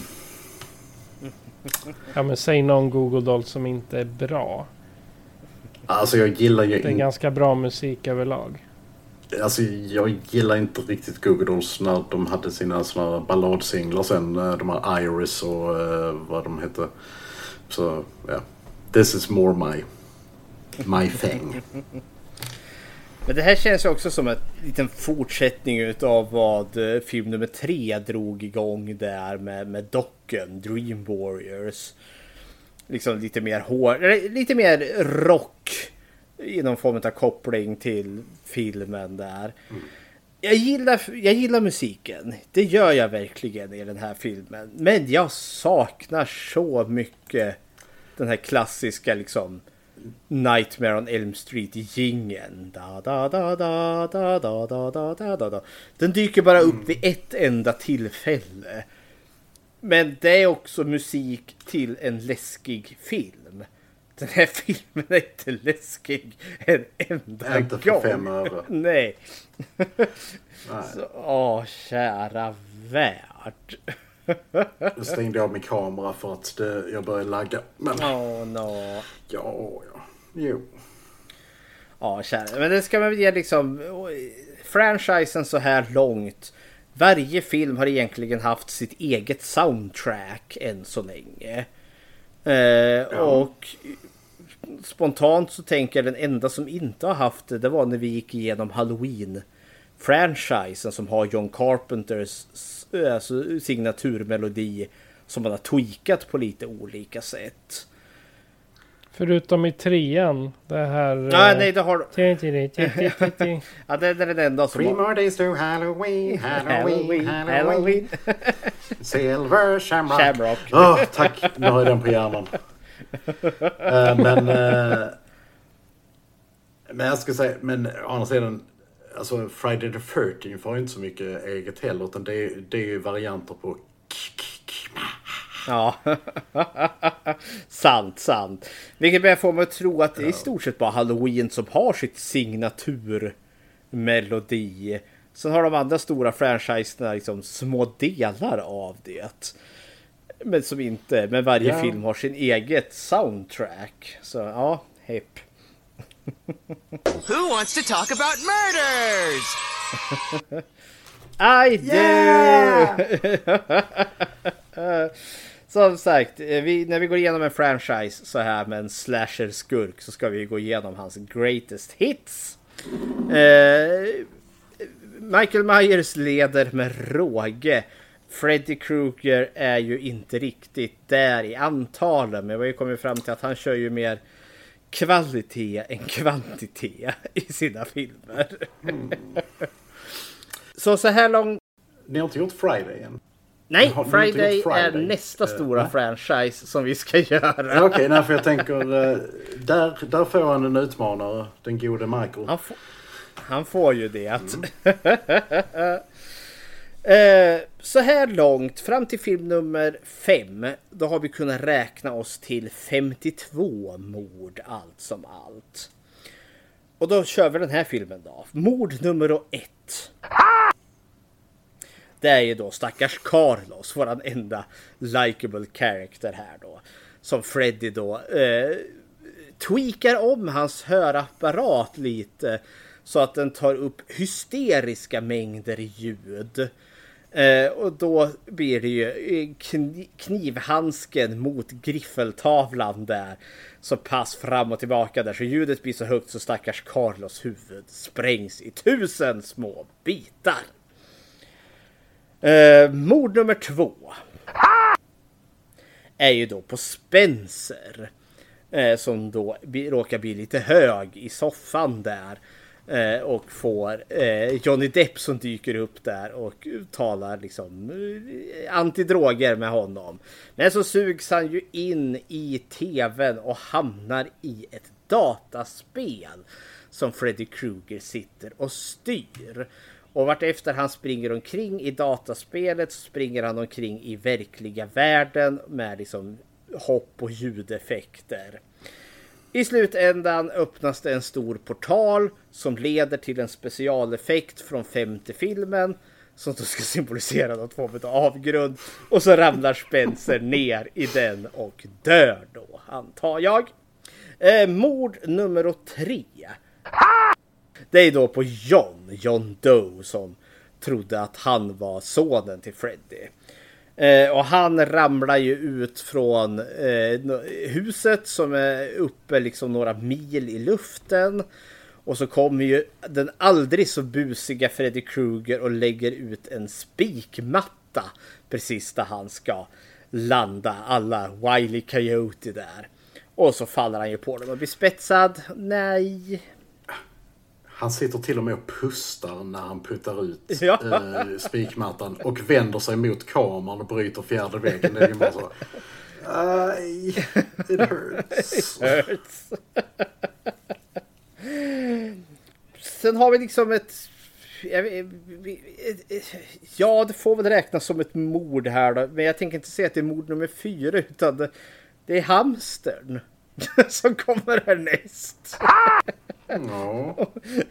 Den unge... Noha! Den unge Freddy Krueger plockar ut en hamster ur skolans hamsterbur. Och sen klappar den lite sött, sätter ner den på bordet och sen fram en rejäl jävla slägga och sen bara mip! Så har vi ingen hamster någon mer. Mord, ja, mord nummer fyra. Tänker jag säga är på Alice Cooper, hans styvpappa.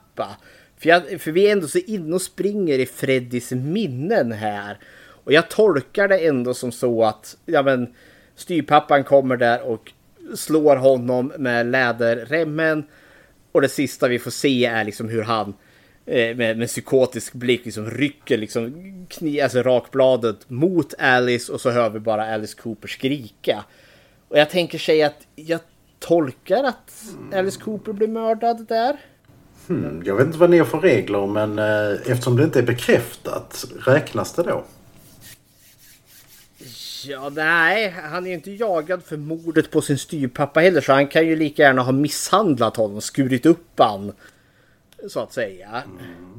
Nej, så det, vi, är- vi d- Alice Cooper, trevlig som han är, vart inte mördad av Freddy Krueger. Så han får inte vara med på listan då. Ja. Surprise, motherfucker. Men då har vi då sista, mord nummer fyra. Min värdighet. den dog hos allihopa oss här när vi såg den här. Nej men det är ju då på Freddy Krugers fru Loretta Kruger. Som vi får se då där han uppre- efter att hon har hittat hans eh, mordkällare eh, Och dottern springer ner där och tittar så kommer hon ju upp igen och då hör vi liksom ett rytmiskt dunk, dunk, dunk. Och när hon kommer upp igen så ser hon ju då pappa i full färd att dunka Lorettas huvud eh, mot en trästam. Eh, som, eh, ja, eh, hon faller ju död ner med en stor, i en stor pöl av blod. Så då har vi fyra mord allt som allt. Eh, tre av dem är killar, en av dem är kvinna. Vilket gör att vi sammanlagt har då 56 mord. 36 av dem är män eh, och 23 av dem är kvinnor. Då hoppar jag till, eh, till nästa direkt. Har du gjort ett Bechteltest? Det har jag. Apropå kvinnor tänker jag. Eh, ja, de leder ju inte i killcountet för det är, det är männen. Patriarkatet leder här i antal döda. Nej men, eh, eh Bechteltestet är om kvinnlig representation i film och vi för ju tesen att skräckfilm är ju det som klarar Bechteltestet bäst. Och frågorna är ju tre. 1. Finns det två eller fler namngivna kvinnliga karaktärer? Ja, det gör det. Vi har Maggie, eh, vi har Tracy eh, och vi har också då Loretta Kruger. Så ja, fråga nummer ett klarar den. Fråga nummer två. Eh, möter de någonsin varandra? Loretta Kruger, eh, ja hon, hon möter ju den unga eh, Maggie förvisso. Och Maggie träffar ju också Tracy där, våran Trouble Youth. Ja just det, vi har Amanda Krugers Ghost också. Ja! Jajamän. I won't tell. Och sen har eh, fråga nummer tre. Om de möter varandra, pratar då, då om någonting annat än män? Eh, och när eh, Loretta Kruger och Amanda Kruger träffas, då har de inga dialoger alls med varandra. Men Tracy och Maggie träff, äh, träffar ju och pratar desto mer med varandra. Och då hugger den här scenen när äh, ungdomarna som har rymt äh, upptäcks i, i skåpbilen. När, hon, när Maggie tvärnitar och så ramlar de ut ur skåpbilen där. Hoppsan, där var ni! För då börjar de ju munhugga med varandra och då säger Tracy tillbaka ja, men att Eh, ja, men, du körde ju så dåligt så vi hade ju kunnat dött på grund av dig här. och liksom, ni ska tillbaka här nu, kontrar ju Maggie här. Och då är det inga män i den konversationen. Så så mögig som Freddy's Dead, The Final Nightmare är, så kan man inte ta ifrån den att den faktiskt klarar Bechteltestet. Yay! Vilka applåder det här blir. Hurra. Ja, men ska vi ta lite avslutande tankar här då kanske? Om uh, Ulf kan börja och säga vad du tycker till slut. Ja, äh, det här är ju en skitfilm. Äh, det är en, men däremot så är det en väldigt underhållande skitfilm. Som jag säkert kommer se igen och kommer säkert störa mig på den lika mycket igen. Men det gör ingenting, för den är rätt mysig. Nu sa jag Mattis ord. Den är rätt angenäm. Mm. Ja, men nu, nu, är det, nu är vi i våran podd här så här finns det inga klausuler över hur mysig får Oh. användas eller inte. Minsann, minsann. The Supreme Overlord of Everything allows. Cool.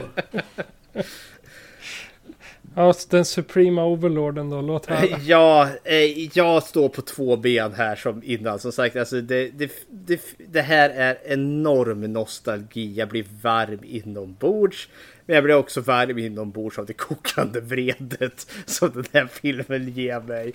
För jag tycker det här, wow vad den här franchisen har tappat med den här filmen. Det är sånt magplask. Det, det är så otroligt dåligt. Eh, sminket på Freddy Krueger är helt horribelt dåligt. Stundom är specialeffekterna helt okej, stundom är de skrattretande dåligt. Manuset är pisstunt. Men det finns jävligt mycket kul i den här.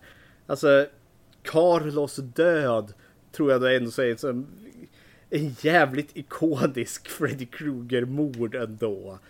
Parallellt med Spencers mord som är hysteriskt enerverande och dåligt. Men samtidigt det finns grejer i den här som är kul. Men nej, det här är jävligt svagt. Men kul samtidigt. Det här är en så klass... Det är en guilty pleasure. Helt enkelt. Ja, i ordets sanna mening Ja. så är det en guilty pleasure faktiskt. Ja. Hepp. Patrik. Jag skulle säga att det här är nog den den filmen i serien hittills som jag tycker minst om. För även om den är liksom super cheese, det är eh, dåliga, inte erfarenheter, men dåliga effekter, det är liksom allting är B. Eller nej, inte B är ju snällt. Kanske någonstans neråt eh, X, något sånt där i kvalitet. Även om jag tycker om sådana filmer så är den här långt ifrån tillräckligt för att vara något för mig.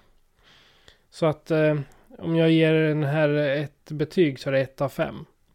Jag, jag somnade nästan till den här. Så är det. Jag höll mig bara vaken för att ha något sån här koll på vad vi skulle prata om idag. Det var liksom, jag kämpade mig igenom den. Hade det varit att jag satt och tittade en kväll och inte mitt på dagen, då hade jag varit tvungen att gjort det i två sittningar. Ja, det glömde ju Ulf och jag ge den ett betyg från 1 till 5. Jaha, okej. Ja, men då säger jag en, eh, en trea för Mhm. att eh, den är eh, definitivt inte bra. men jag kan ändå inte döma den för att jag tycker den är så pass underhållande. Så att, och då blir det gärna en trea för min del. Ja, jag är jättekluven för jag vill ge den här en 1 av 5.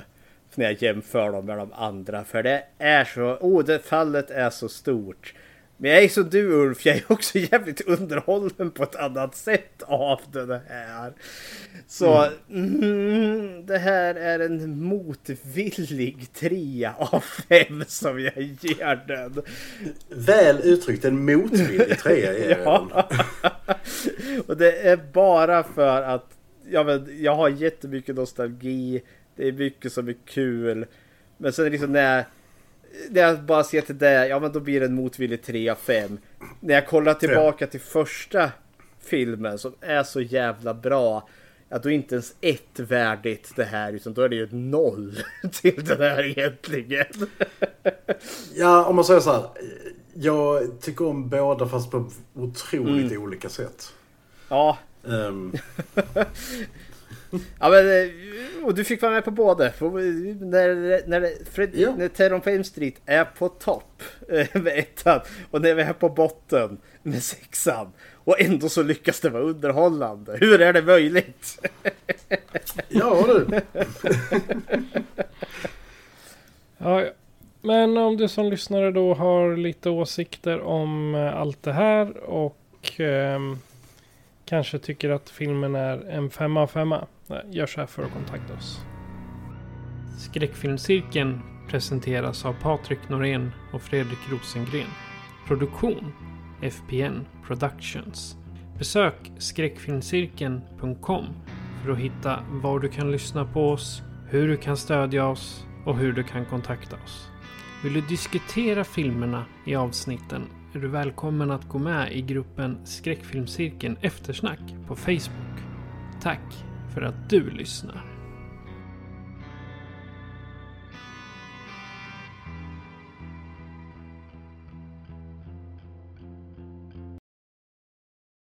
Och Fredrik, nästa gång, vad bjuds det på? Ja, eh, nu som sagt har, är vi, har vi ju varvat i botten på den här franchisen. Men nu kommer nästa installation där då som ja, är väl lite folk är lite all over the place. Jag tänker ju säga att det är ett kliv upp igen. Men vi ska ju se då när eh, ja, eh, Wes Craven själv dyker tillbaka bakom regissörstolen och så tittar vi då på Wes Cravens New Nightmare. Nice. Ja. Men då ska vi tacka Ulf för att du vågade komma tillbaka till ett ja. bottennapp jämfört med eh, första filmen som eh, jag antar att du tyckte var riktigt eh, bra också. Ja, ja. Nej, men alltså, det är alltid kul, kul att vara med oavsett om det är kast eller om det är bra. Och, eh, det här är ju en franchise som ligger mig extremt varmt om hjärtat. Som vi kunde höra i avsnittet om den första. Mm. Så att... Eh, Feel free to use me anytime boys. Ja, den har jag hört förut men det brukar inte sluta så bra. Okej, men då har vi inte så mycket mer kvar att säga än att jag heter Patrik. Och jag heter Fredrik och med oss idag hade vi... Ulf från Film till fikat. Du har lyssnat på Skräckfilmscirkeln. Adjö på er. Bye!